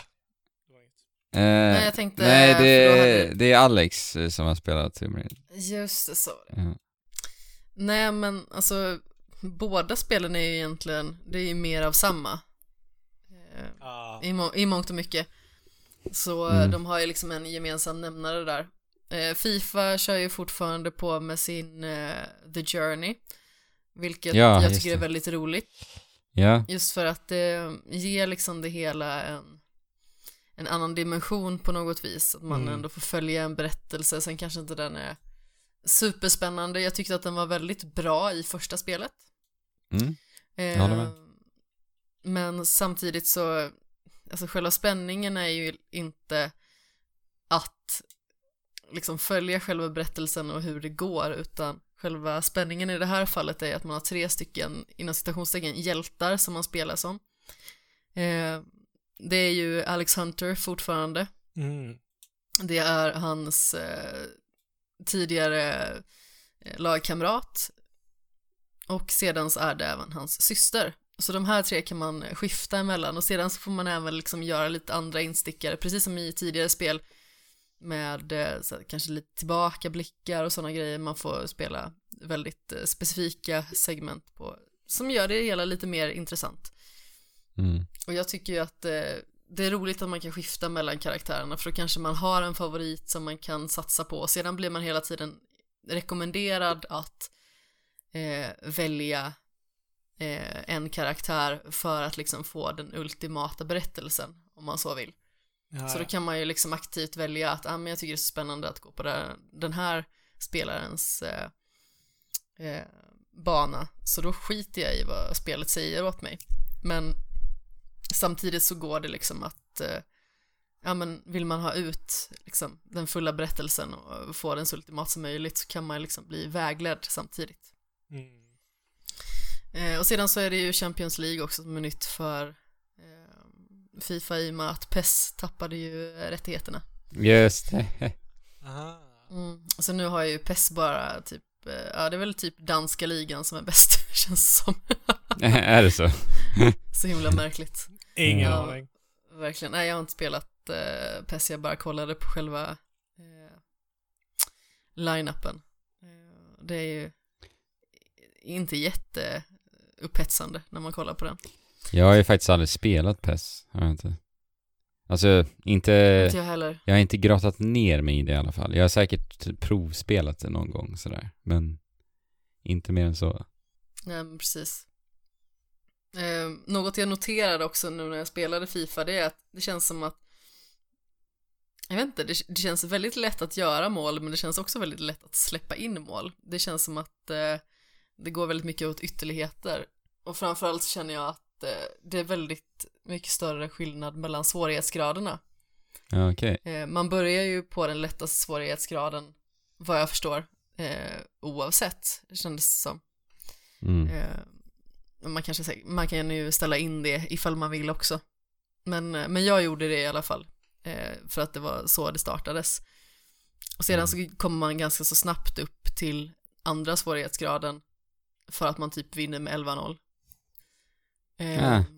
Ah, okej. Så att den, den adjustar efter... Ja men precis, dina den, den frågar dig, vill du eh, hoppa upp en svårighetsgrad? Och tänkte jag bara, Ah, okej. ja. Det här var ju, det var ju kul att göra massa mål och det ser coolt ut men eh, eh, Man kan Man, vill ha blir det- utmaningen också. Ja men precis, och då blir det ganska mycket mer utmanande. Och det är väl ja, någorlunda hanterligt. Sedan när det kommer ytterligare en svårighetsgrad, då var det verkligen så här, ah! Vad dålig jag är på Fifa. Ja, ja. Nej men så det känns som att eh, de är väldigt mycket mer distinkta. Det känns liksom inte som att svårighetsgraderna överlappar på något vis, att det liksom inte blir någon form av eh, mjuk eh, grad över, utan det är liksom det är väldigt eh, tydliga svårighetsgrader. Men som sagt, Fifa är Fifa, det är jättekul och eh, ja, jag kommer ju spela färdigt resan om inte annat. Ja. Men Sedan alltså, väl, känns det som att de utvecklar... Jag, jag har inte spelat Fifa, jag har inte spelat Alex Hunter, jag har inte spelat någonting. Men jag förstår ju ändå det som att liksom dramat kring eh, de här karaktärerna eh, är ändå en motiverande grej att spe, fortsätta spela vidare och, och så vidare. Har de utvecklat dramat på något sätt? ja absolut, det, det händer ju hela tiden nya saker i berättelsen och det blir liksom eh, möjligheter till eh, ja men, lagbyten och saker som förändrar din karriär och så vidare. Och det, som känns, och det känns trovärdigt. Alltså, jag- eller, jag eller jag tycker det ska inte vara det, liksom. trovärdigt, men ändå Men liksom... tämligen trovärdigt. Ja. Så Och- sett. Eh, det känns ju som att allting går extremt fort, men det är ju Ja, det är klart. så det oftast brukar kännas i spel. Det liksom, eh, det känns ju inte rimligt. Du vill inte Eh. sitta på samma lag i tio år och, Nej innan någon köper upp dig. Eh, Men jag tycker ändå att eh, man blir motiverad av att spela resan.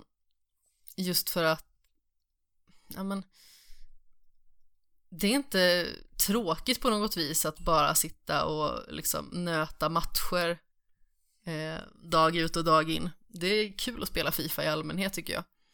Men samtidigt så det blir någon form av extra morot i att man vet att ja ah, men nu måste jag göra det här för att åstadkomma det här.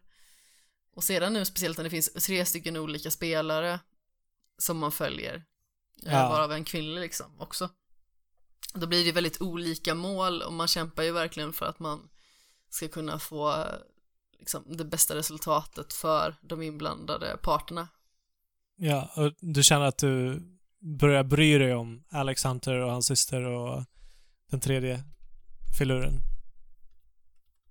Ja, alltså någonstans så gör man ju det. Jag tycker ju liksom att eh, karaktärerna kanske var lite eh, roligare och mer relaterbara i första spelet. För det känns ju som att Nej, ja, i förra spelet tyckte jag att Alexander var lite av en rövhatt ibland faktiskt. Jag tyckte han var lite dryg. Men man bryr ju sig om att det ska gå bra för sina spelare ändå. Ja, det är klart. Själv har jag aldrig förstått Fifa. Jag gjorde inte heller det eh, förrän för snart tre år sedan. Då spelade vi det på Musikhjälpen. Och där fick, det var liksom kärlek. När du väl spelade det. Du alltså bara, jag hade blivit bara- tjatad på så länge bara för att jag följer Premier League liksom. Och så ja men du måste ju spela Fifa, om du verkligen älskar Premier League så måste du spela det. Och jag bara nej, ah, ja. vill inte, har jag ju sagt. ja, ja, men då har du ju ett fotbollsintresse. Ja, ja, det har jag. Men eh, jag har liksom aldrig haft något Fifa-intresse, utan det var bara sådär att, ja, okej, jag spelar för att vi ska spela det här. Eh, och att det ska vara underhållande i eh, streamen som Spelhjälpen hade på Musikhjälpen då. Ja. Eh, och då upptäcker jag att det här är ju, det här är ju skoj. Så då gav jag mig eh, och erkände att eh, det här var faktiskt väldigt roligt. Skaffade jag 17 och sedan så recenserade jag 18 och sedan har jag nu 19 eh, som recensionskod. Jag tror att du skulle tycka att det är ett kul spel om du verkligen satte dig in och provade på det Fabian. Jag håller faktiskt med. Mm. Det är ett roligt spel. Säkert. Ja, det är det. Och de förfinar ju det liksom varenda år. så att, Ja, de, det är sant. så att det är Det- ett bra spel, det är det faktiskt. På riktigt. Ett- Ja.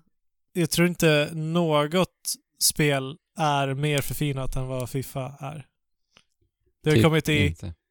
en ny upplaga varje år i hur många år? Ja. Många. I alla år. Är, Nej men det var väldigt roligt för att jag eh, lovade min eh, kusin som var och hälsade på häromdagen, han är 11, att vi skulle spela Fifa ihop. Så jag tog med min eh, Playstation 4 till mina föräldrar Mhm. för att han eh, bodde hos dem över en helg då. Och så satt vi och så spelade och mamma satt och kollade. Det var väldigt roligt för hon bara, de ser så äkta ut. Och jag menar, Ja. hur styr man dem egentligen? Och så försökte jag samtidigt som jag spelade då förklara hur man styrde alla karaktärerna. Men hur funkar det? Styr man alla på en gång eller styr man en? Jag bara, nej men man skiftar mellan karaktärerna. Man bara, ja. så det var väldigt roligt. Och sen pappa som är så här jätteinbiten eh, Premier League-följare också. Eh, satt och kollade och såg lite fascinerad ut faktiskt. Mm. ja, men vad mysigt. Så det var roligt faktiskt. Fifa brings families together. Mm, ja, på något sätt. Ehm, ja, och sen har jag spelat Shadow of the Tomb Raider. Shadow of the Tomb Raider. Shadow Jajamän. of the Tomb Raider. Och då kan vi då säga, ja det är mer Tomb Raider, eller vad då? Ja, jag tycker faktiskt det. Ja. Ehm, nu har inte jag kommit så jättelångt så jag vet inte om jag ska säga så jättemycket. Jag kan liksom inte gå in så jätteutbroderat liksom i detalj och sådär, men vi har ju eh, Laras eh, ständiga kamp mot eh, Trinity som är den här ondskefulla organisationen som alltid försöker sätta käppar i hjulet. Just det. För utan dem hade det inte blivit något äventyr. Nej, men precis. Då hade det liksom bara varit att gå och hämta det man vill ha. ja. Så himla typiskt. De kommer där bara och förstör allt. kan, kan vi inte modda Tomb Raider och ta bort, Ta bort ta bort Trinity. Trinity? Det blir bara liksom en eh, gravplundrare-simulator istället. ja. Det, alltså helt Nej. ärligt så tror jag faktiskt att det finns många som bara vill ha den upplevelsen av ett Tomb Raider-spel. Äventyret och... Nej, alltså, nej men just eh, gravplundrandet. Alltså, för jag, för jag vet ju att det finns ju många som gillar just pusselmekanikerna i Tomb Raider-spelen. Och då är det Mm. bara det man får i så fall. Eh, för en sak, jag vill bara säga det, Amanda, jag vet inte om du har upptäckt det spelet, men jag vet ju att i Shadow of the Tomb Raider så kan man ju justera svårighetsgraden kategoriserat. Ja, men exakt, det, Ja. det såg jag i, i början. Man fick liksom eh, sitta och justera själv. Sen så går det ju naturligtvis att justera allting på en och samma gång också.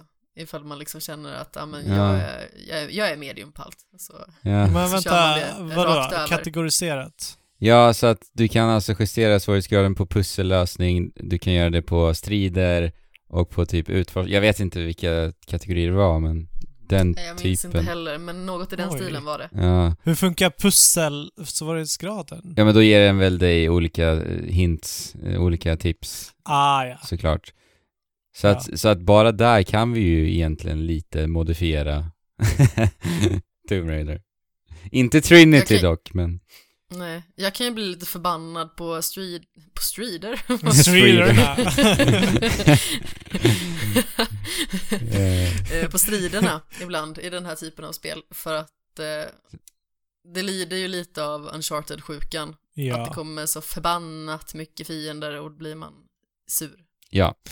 Men, Så oftast brukar jag dra ner svårighetsgraden bara för att det kan bli mindre fiender och sådär, men eh, det gick ju inte. Det kommer ju hela tiden massa Mm. eh, info. Du kan göra så här. Ja. Nu ska du göra så här. Du trycker in Ah, den här men knappen okej. för att dra i snöret. ja, men jag blir ju jag blir förbannad, det är så här, jag är inte dum i huvudet. Men kan, kan du inte ställ- ställa in svårighetsgraden och säga jag vill inte ha tutorials? Nej, det gick tydligen inte. Nej. Okej. Mm. Inte Weird. enligt vad jag har upplevt i alla fall. Men ska inte, ska inte striderna här vara lite mer smyg... eh, Ja men nu pratar hon om Uncharted. Nej, Nej, hon snackade ja. om Tomb Raider-striderna som blir Uncharted-aktiga. Ja, men precis, de Aha. blir ju unchart unchartidiga. Uncharted. ja. Eh, Ja. Och det, det, det stör ju mig ganska så mycket. För jag hade gärna liksom velat kunna dra ner på, alltså det kanske blir, blir så längre fram i spelet. Men jag tycker det är irriterande för jag vill kunna dra ner på antalet fiender, eh, till exempel. För att jag tycker att det på något vis gör att det blir mer trovärdigt. Alltså Ja. när det helt plötsligt kommer liksom, från att ha Ja. stått två stycken, eh, två stycken som man liksom såhär, haha, det är pilbåge i huvudet. Och sen helt plötsligt kommer, bara, åh, här är någon, här borta. Då kommer tio, tio man. Och man bara, nej men hallå. Ja. Hur, Och så många... sit, sitter man där utanför busken och ska precis gå, så blir man upptäckt och så ser man så dum ut. Hur många legosoldater har Trinity egentligen? Och, Jag vet inte, Alltså, oändliga verkar det som. och alltså, De bara offrar alla. ja, men uppenbarligen så dör ju samtliga av de som, som, som rekryteras av Trinity. ja. Och det... Ja, jag vet inte. Jag hade ju inte det. Även om jag var en mästersoldat. Står i avtalet bara 100% död. 100% död. Men det är riktigt bra betalt. Men då behöver de inte betala folk i och för sig. Men det de är döda. Ja, fiffigt. Ja. Världens bästa affärsidé. Ja. Typ. Ja, det... Det måste vara deras hemlighet. Men ut, de har ju mycket resurser också. Okej. utöver striderna då? Ja men alltså det är ju samma härliga, alltså klättrande, svingande, jag älskar ju sånt, jag tycker det är helt Ja. underbart. Mm. Eh, Pussel? Har du stött på några pussel? Jag har inte eller? stött på så jättemånga, jag tycker att det kanske är lite mycket cutscenes hittills i spelet. Är det snyggt då? Det är jättefint. Alltså det är liksom inte sådär att jag eh, blir lite glad i byxan och håller på att trilla av stolen liksom, men Nej, nej. det blir snyggt. Är det, är det lika brutala dö, dö, Ja, men det är klart det är det. Ja, det är det. Eh, Dödsscener.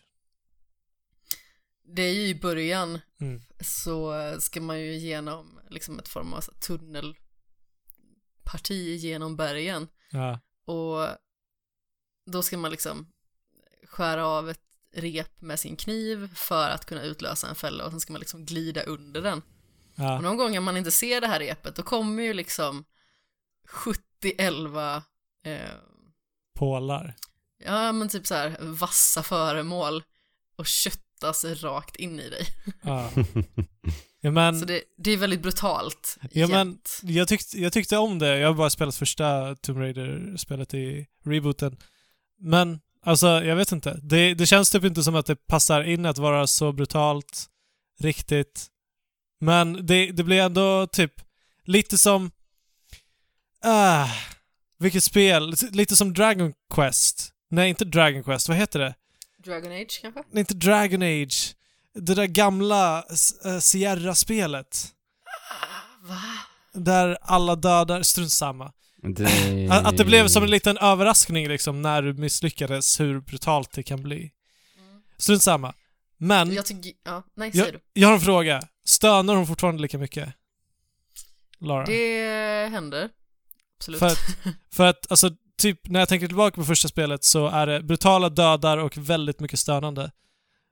Jag Ja. kommer ihåg. Ja men det är ju liksom lite som att hon är en gammal dam som sätter sig upp och, eller som ställer sig upp och eh, sätter sig ner hela tiden. Ja. Ja. ja. Så ställer sig... ja. Är det någonting du störs av? Inte så jättemycket faktiskt. Nej, inte jag heller. Det är bara om man råkar börja tänka på det, då blir man ju Mm. irriterad. Men det är samma sak med, med dödsgrejerna. Ibland så passerar det ju bara utan att man tänker på det. Hopp, hoppsan, nu dog jag. Och eh, nu får jag väl göra det här igen då. Jag, jag, stör, jag stör mig mer på de här, jag hoppar till avsatsen och sista sekunden så lyckas jag få tag i den och jag drar mig upp i, och... Också, Ja, alla de där överdramatiska segmenten. också uncharted-grejer, så man Ja. hänger alltid på kanten. Ja, exakt. Det är exakt samma sak. Ja. Det är ett segment där man ska liksom ta sig högre upp på, ja, man ska förklara det, men det är liksom det är upphängnader som man ska eh, kasta sig fram och klättra upp på. Och Mm. typ på varje sån så är den så här, jag håller mig kvar med en arm. Ja. Ja, men, Ja. jag fattar. Det, det tar ju bara bort Tryck på spänningen. fyrkant. ja, men precis. Man måste ju avväga för att det ska, ska Ja. ha någon effekt överhuvudtaget. Ja, men det hade varit mycket roligare om det liksom kom eh, lite randomiserat på något vis. Att bara, Ja. oj, skit, ah, vilken knapp ska jag trycka på? Nu är det liksom så här, ah, jag väntar på fyrkant. Ja. Ja. det är... Ugh, nej, usch. Så alltså, jag, jag gillar ju Tomb Raider-spelen. Eh, De senaste eh, Mm. nya versionerna, absolut. Samtidigt så känner jag liksom att, eh, ja men det är inte så mycket nytt egentligen. Nej. Nej men det kan man, det var väl ingen som riktigt förväntade sig heller. Nej, och jag tycker faktiskt att eh, i och med att det inte är samma utvecklare heller så tycker jag att de har gjort det väldigt bra. Ja just det, Crystal Dynamics. Mm. Vilka är det som utvecklar nu? Eh, Eidos, Montreal. det. Eidos. Yeah. Ja, Just de det. ville väl eh, köra på säkra kort eh, kan jag väl också tänka mig. Med tanke på att det ändå, Ja. de två tidigare spelen ändå blir väldigt väl mottagna. Och sen ska ju de liksom plocka upp den här Ta facklan och ja. ta över och sen ska de avsluta trilogin på något sätt. Det är väl klart att, att man kanske lutar sig tillbaka på, på samla, samma mall så att säga. Ja. Ja men precis, och sen så, alltså man märker ju att att det är lite extra smygande på vissa ställen, för det finns ju sådana här grejer med att man ska, man, numera kan man ju eh, lite snyggt typ glida in i, ska man säga, i eh, en vägg om, om det finns typ sådär eh, murgrönar eh, eller, Ja. eller liknande där, så kan man Lianer, liksom göm, typ. gömma sig mot väggen. Ah, ja. Ja, just det. Buskage. Men är det, är det bra smyga-mekaniker? För typ i Uncharted så finns det ju, du kan smyga och vissa segment är typ gjort för att du ska försöka smyga, men det är ingenting i spelet som, eller spelet ger dig liksom inte verktyg till att smyga, smyga effektivt. Jag tycker ju inte Uncharted är rätt spel att smyga i direkt. Nej. Eh, I och med att man generellt sett har skjutvapen så blir det, man blir ju inte så hemlig när man smyger direkt. Nej. Eh, Men, men är i det... Tomb Raider så har man ju världens bästa vapen, pilbåge. Så eh, då funkar det ju väldigt väl att man liksom smyger och så kanske man pilbågar någon och så kanske man Mm. Ja. Men kväver kan- någon. Vad vad brutalt det lät. ja. Men kan du så här locka på fiender och hålla på? Ja, alltså det finns ju det här, eh, ja men precis som i tidigare spel och som i The Last of Us och liknande också, att man tar till exempel en flaska och så kastar man den Ja. någonstans.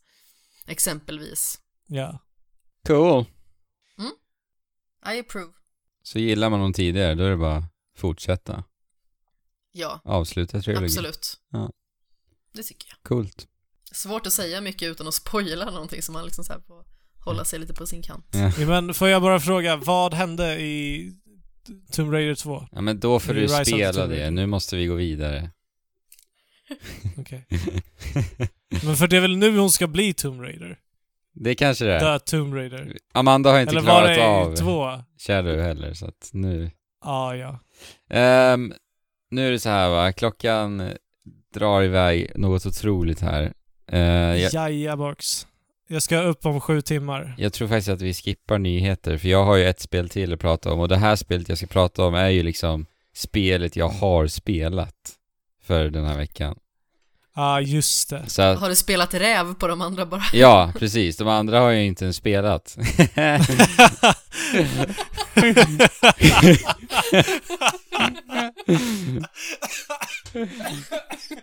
det var... Prat, pratat mycket om inget. Låter det som. Men Du har ju pratat mycket. ja. Nej men så här är det va. Att jag har eh, bränt gummi i Skottland. Ja. Och det har jag gjort med Forza Horizon 4. Ja. Jag spelade ju Forza Horizon 3 för två år sedan. Ja. Och det var nog det senaste bilspelet jag spelade skulle jag tro? Eh, Sen det. Och ett av de typ första på flera år. Ja, jag är ju ingen bilspelsfantast. kan jag ju Nej, säga. och därför är jag, alltså jag, jag är så förvånad över att du verkar uppskatta de här spelen så mycket. Ja men du minns, ja, men du minns ju att jag uppskattade Forza Horizon 3 också va? Är jättemycket. Ja. Och eh, alltså jag... Eh, min relation till bilspel är ju i stort Mario Kart, det är Burnout, Flatout är ett spel jag minns eh, väldigt starkt som jag spelade till Xbox. Och eh, Ja. sen eh, Destruction Derby till Playstation 1. Ja, men lite mer party... Ja, ja men precis. Den gemensamma näm- nämnaren är väl att de helt enkelt inte är simulatorer, alltså bilspelssimulatorer. Att de, de istället är mer arkadiga och i Mario Karts fall party helt enkelt. Eh, spektakulära, för jag menar Destruction Derby och Flatout handlar egentligen till stor del om att krascha med sina bilar och sådär. Ja. Eh, så det är den typen av bilspel som jag drar mig åt och där kan jag bli intresserad av spelen. Men det är inte spel som jag, som jag får fjärilar i magen av i längtan till dem. Utan det är mera, Nej. Det är mera, ja men det, de kan vara trevliga liksom. De kan vara trevliga. Ja, så nu har jag spelat Forza Horizon 4. Jag, det har jag ändå sett fram emot just för att jag gillade Forza Horizon 3 väldigt mycket. Ja. Eh, men nu befinner vi oss på den skotska landsbygden. Ja. Eh, så vi är i Storbritannien. Eh, och det man slås av med Forza Horizon 4, det är ju verkligen presentationen. Alltså allt ifrån användargränssnitt. Vi tar ju upp det mycket i vår podcast, men an- användargränssnitt är en enormt viktig detalj i just presentation, tycker jag. Mm, verkligen. Och det gör de jättesnyggt, väldigt fint och rent minimalistiskt och super, super snyggt och det tekniska är ju verkligen haktappande, det är så otroligt, otroligt vackert spel. Ja. Och, och även musiken är inte nödvändigtvis bra, men den är så otroligt sammanflätad till helhetsupplevelsen så att allt det här bara gör det till en sån himla njutbar upplevelse när allting sätts ihop. Eh, och, Ja. och, och ljussättningen är, alltså den är bländande vacker. Ja, Den är- det var den första, eller i tredje också. Ja, det är så Men- snyggt alltså. Är det ännu snyggare nu? Nu sitter du på en PS, eller kör du på... Ja, jag, Nej. nej. men hörru Fabian, det där, det, Det är som att svära i kyrkan! Hallå! Ja. Hallå här! Hallå där! Kör blåbär! Eh, jag spelar på PC Ja. faktiskt. Ja. PC såklart. Ja, och eh, det ser ju alldeles bedårande ut. Eh, just det här ljuseffekterna som sagt, när jag ser hur solen så tränger igenom de här täta skogarna och reflekterar vattenpöl, eller hur det ref- reflekteras i vattenpölarna på marken under, under hösten då, så här när man ser höstlöven Ah. falla, alltså det är så snyggt. Jag kan inte Beskriva, beskriva, nej, Kan uttrycka inte- mig nog här för det är så vackert. Och, och sen eh, även på vintertid så ser man ju då också hur isen reflekteras. Det är så jäkla delikat alltså. Och då kanske ni undrar, i vintertid, för nyheten i det här spelet, och jag nämnde hösttid, är att eh, eh, det är indelat Det i säsonger. Årstider. Årstider, precis. Eh, så att vi spelar på eh, våren, på sommaren, på hösten och på vintern. Och hur progresserar det här?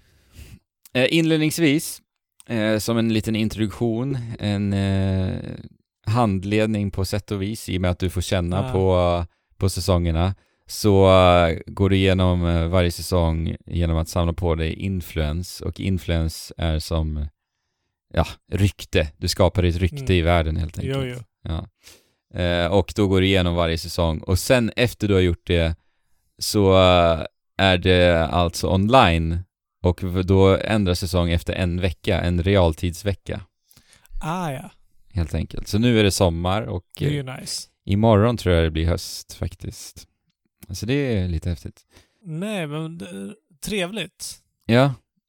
Så att alltså, det här spelet för mig, med allt det jag sagt, med presentationen och hur, hur bara härligt och njutbart det är, så är det ett spel som faktiskt har hjälpt mig i min flyttkaos jag har haft den senaste veckan. Eh, för det har verkligen varit den platsen jag har gått till där jag bara kunnat känna lite ro mitt i all kaos och jag liksom försvinner in i dataskärmen men runt dataskärmen så ser jag ju all flyttkaos? Så det har liksom varit Ja, lite, eh, lite terapeutiskt för mig så det har ändå varit jäkligt härligt att kunna gå dit. Och körkänslan är ju helt jädra fenomenal såklart. Det, alltså det tycker jag ju verkligen eh, det var i Forza Horizon 3 också. Eh, och det blir ju alltid lika tillfredsställande att sätta de här svängarna sådär perfekt och du har avvägt liksom inbromsningarna helt fläckfritt och så. Eh, och sen så är det ju så himla varierande just för att vi har säsongerna, alltså årstiderna. Eh, och då blir det ju så, sådant varierat underlag och då kan det vara att du får anpassa din körstil, du får anpassa vilken bil du använder Mm. ut efter säsongerna helt enkelt. Mm. Och det tycker jag skapar liksom en mer dynamisk och hållbar bilspelsupplevelse i, i sin helhet. Ja. Det låter smart. ja. Nu kommer jag inte ihåg vad du hade för... Vad dina största kritiker var från, eh, mot det första. Eller mot det första, det tredje. det förra. Det tredje. Eh, Eh, Men, men det var ett, det var typ långa färdsträckor och du åkte till evenemang som, som kändes tråkiga och triviala. Jag kommer inte ihåg. Någonting sånt. du, ja men jag ska vara helt ärlig, jag har, har inget minne av det heller, faktiskt. Jag vet inte. Men finner du någonting sånt här i Horizon 4 då? Nej. Störmoment? nej. Alltså, Nej. alltså så här. Jag har svårt att säga någonting negativt om det här spelet, just för att Oj. vad spelet är så, så, så, så är det svårt. Det är ett bilspel där du bara ska åka omkring och ha lite kul. Det är som en lekstuga hela den här öppna världen, för vi befinner oss i en öppen Ja. värld då, så du kan ju fritt åka omkring. Och eh, såklart så är det ju då utmaningar och aktiviteter, det är som race, du kan utföra stuntscener till filminspelningar och det är så här drag race och etc. Va? Eh, och, Ja. och det är ju en ikonfest. Det är en öppen Ja. värld med en ikonfest. Men grejen är att här funkar det ju för att kärnan och syftet med spelet är ju transportsträckor. Hallå? Ja, ja. Ja. Så, Ja, så, sant. så upplägget funkar ju i den här kontexten liksom. Så jag vet inte, jag, jag har svårt att, att hitta någonting som jag inte tycker om när jag tänker på vad spelet faktiskt är här att göra, om man säger så. Så det är perfekt. Det kanske är ett perfekt bilspel för mig. Nej, det är det faktiskt inte. Om jag ska, om jag ska säga, om jag ska säga, men det är, ingen, det är ingen kritik till spelet det här. Men det, men det jag Nej, kan nej. känna att jag saknar i det här spelet, det är just, jag, jag kan drömma liksom om att få leva ut ännu mera galenskaper. Det är väl i så fall Ja. det. Alltså jag, jag kan känna att jag hade velat krascha in i den där bilen någon gång och jag hade velat se bilar bli kvaddade. Jag hade velat kanske få en boost av att jag kra- kraschar in i en bil, vilket är en mekanik jag älskar med Burnout eh, 3, tror jag att det var.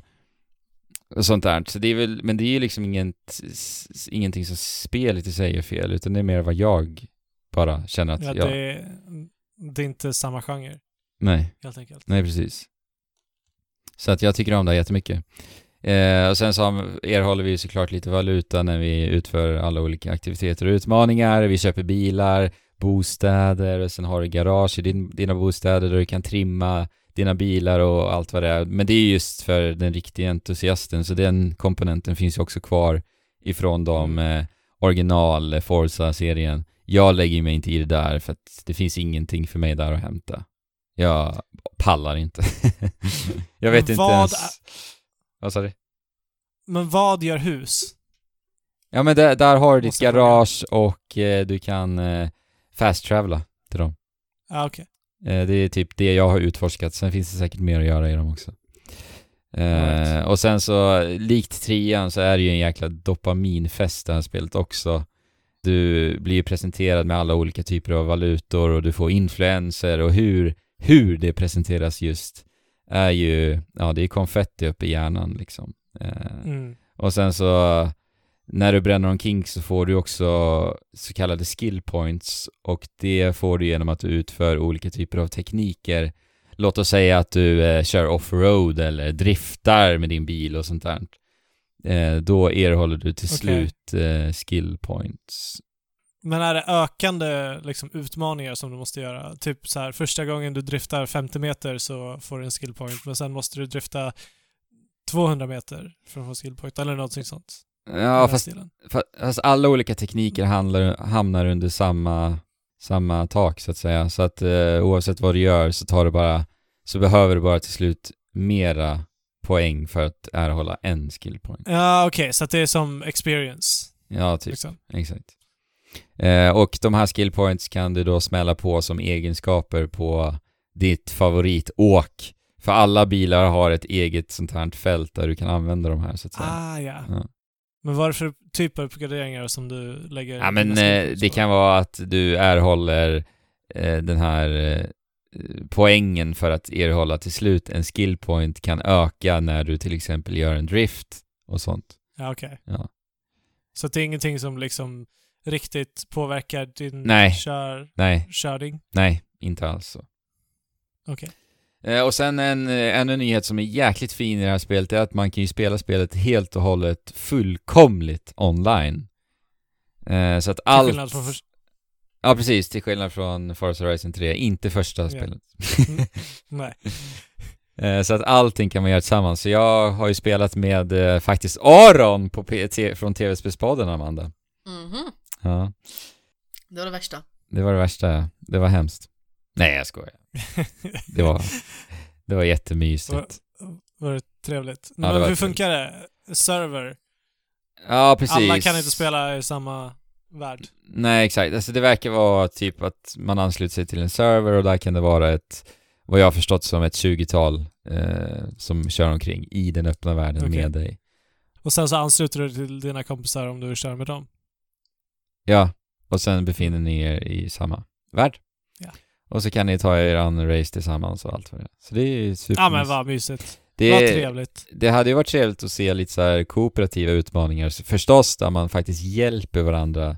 Men sånt ser vi inte riktigt eh, ännu. Alltså, då menar jag att man inte bara Ja. hjälper varandra genom att eh, köra mot samma Köra mål. race. Utan att man hjälper varandra i ett race för att ens klara av racet, exempelvis, på något sätt. Ja, eller att det finns utmaningar lite som eh, eh, Federation Force, Metroid, Prime. Ja, ja. Att, att man designar lite så här. här måste det vara två bilar för att kunna göra det här. Till exempel eh, skövla en skog, sätt, sätt, en, sätt en såg mellan er och sen kör ni åt- av bara helvete genom skogen. Ja, men det var ett bra exempel. Precis. Ja. Exakt. det är, så, det är sådana galenskaper jag vill se i, i sådana här galna bilspel. Eh, ja. Och sen så är det ju Play Anywhere där såklart. Eh, och, Nice. och jag köpte ju en ny laptop nu för att jag eh, har ju börjat studera speldesign som sagt. Och då behövde jag ju såklart en ny en laptop för att kunna, ja, hålla på i skolan också, va?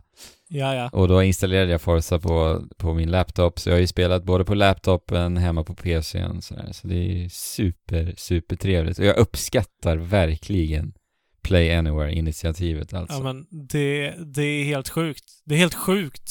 Ett helt sjukt initiativ. Ja, det är fantastiskt. Och sen eh, det här spelet kommer ju att eh, finnas eh, tillgängligt på Xbox Game Pass. Eh, och det släpptes idag när vi spelar in. Eh, så att betala, vad är det? Uppåt, ja, jag vet inte exakt summan, men det är väl runt en hundring i månaden. Eh, så får du tillgång till ett jädra bibliotek av Xbox-spel plus nysläppta, purfärska, supertrevliga Forza Horizon 4. Gött. Ja. Nej, det är, jag, jag har verkligen njut, njutit av det här spelet. Det är bara otroligt rogivande. Och bara bränna omkring i Skottland alltså. Det, det, det låter, det hörs på dig att du, du har en kärlek till det här spelet. Ja, jag, jag gillar det. Jag gillar det jättemycket. Um, alltså det är ju mångt och mycket också som Amanda sa om, om både Fifa och Shadow of the Tomb Raider, det är ju mer utav samma. Så, Ja. så att det är ju, du vet ju exakt vad du får när du köper det här spelet, om du har spelat tidigare spelen förstås då. Så att det är ju verkligen Forza Horizon 3 i Skottland med säsongerna e- egentligen. Men Ja. för mig som inte så, som sagt spelar bilspel supermycket så, så känner jag inte att, jag känner mig inte alls utbränd på det överhuvudtaget liksom. Så, Nej, men precis. Men om du skulle spela ett, liksom, ett Forza eh, var och varannan månad så kanske det hade varit lite annorlunda. Exakt, exakt. Så det här spelet tror jag faktiskt jag kommer återkomma till en hel del, eller återbesöka en hel del. Just för att jag har eh, på laptopen och på PCn, så jag kommer nog bara liksom smälla på här när jag bara vill bränna omkring lite och njuta. Och du kan spela offline också. Ja, det kan Så att du kan sitta på bussen och Jajamän. racea lite. För övrigt Ja, men så... vad trevligt. Ja, det är supertrevligt. Och för övrigt vill jag bara nämna, jag har ju köpt ett monster till laptop.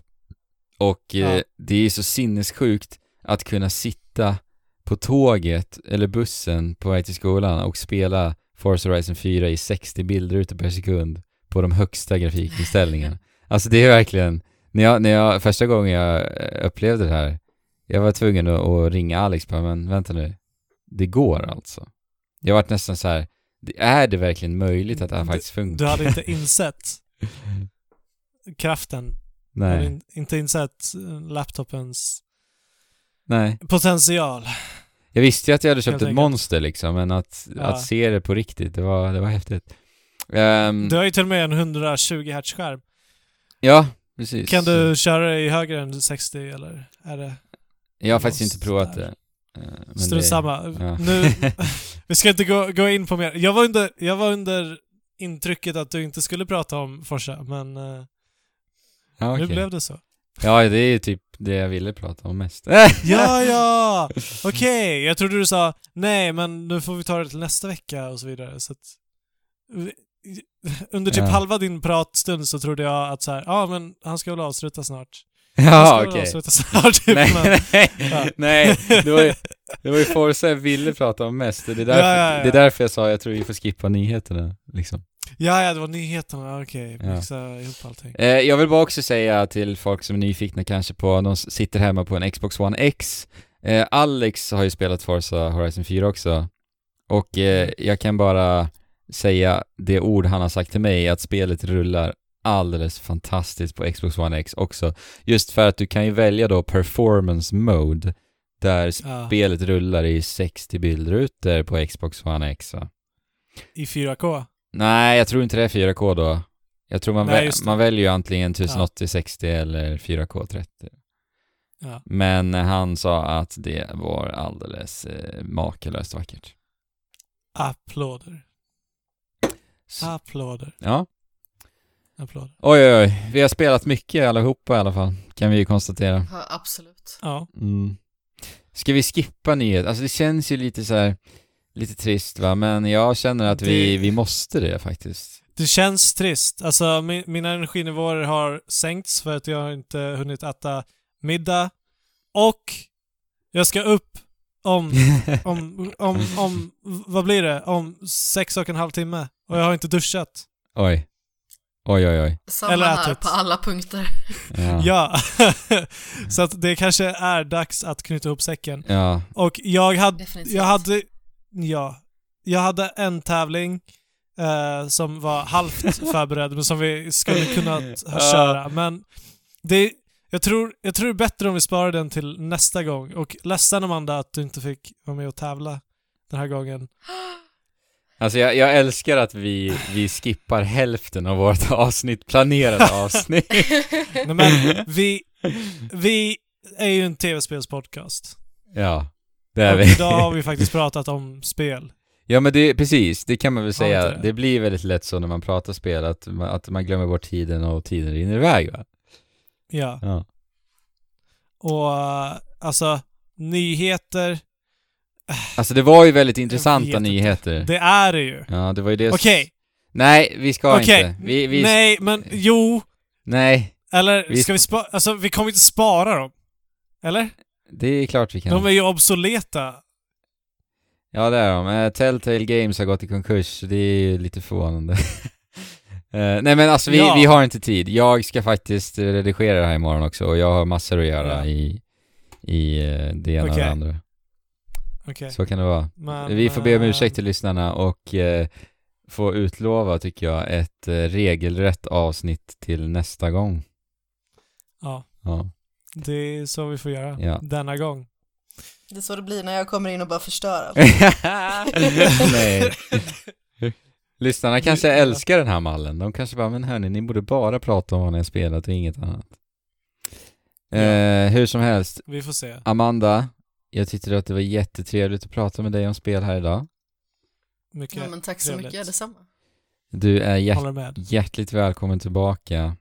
Eh, och sen så bjuder jag in mig själv till eh, din podcast också. Så att eh, jag kommer gärna tillbaka till tv-spelspodden någon gång. Ja men självklart. Det fixar vi. Och sen så kommer jag ju faktiskt ha gäster potentiellt i framtiden i skämshögen också. Så Ah, ja. Ah, kan hända att man eh, kan hoppa in där också. spännande. Mm. Mm. Bara så du vet så, um, alltså jag håller, håller inte koll på min skämshög.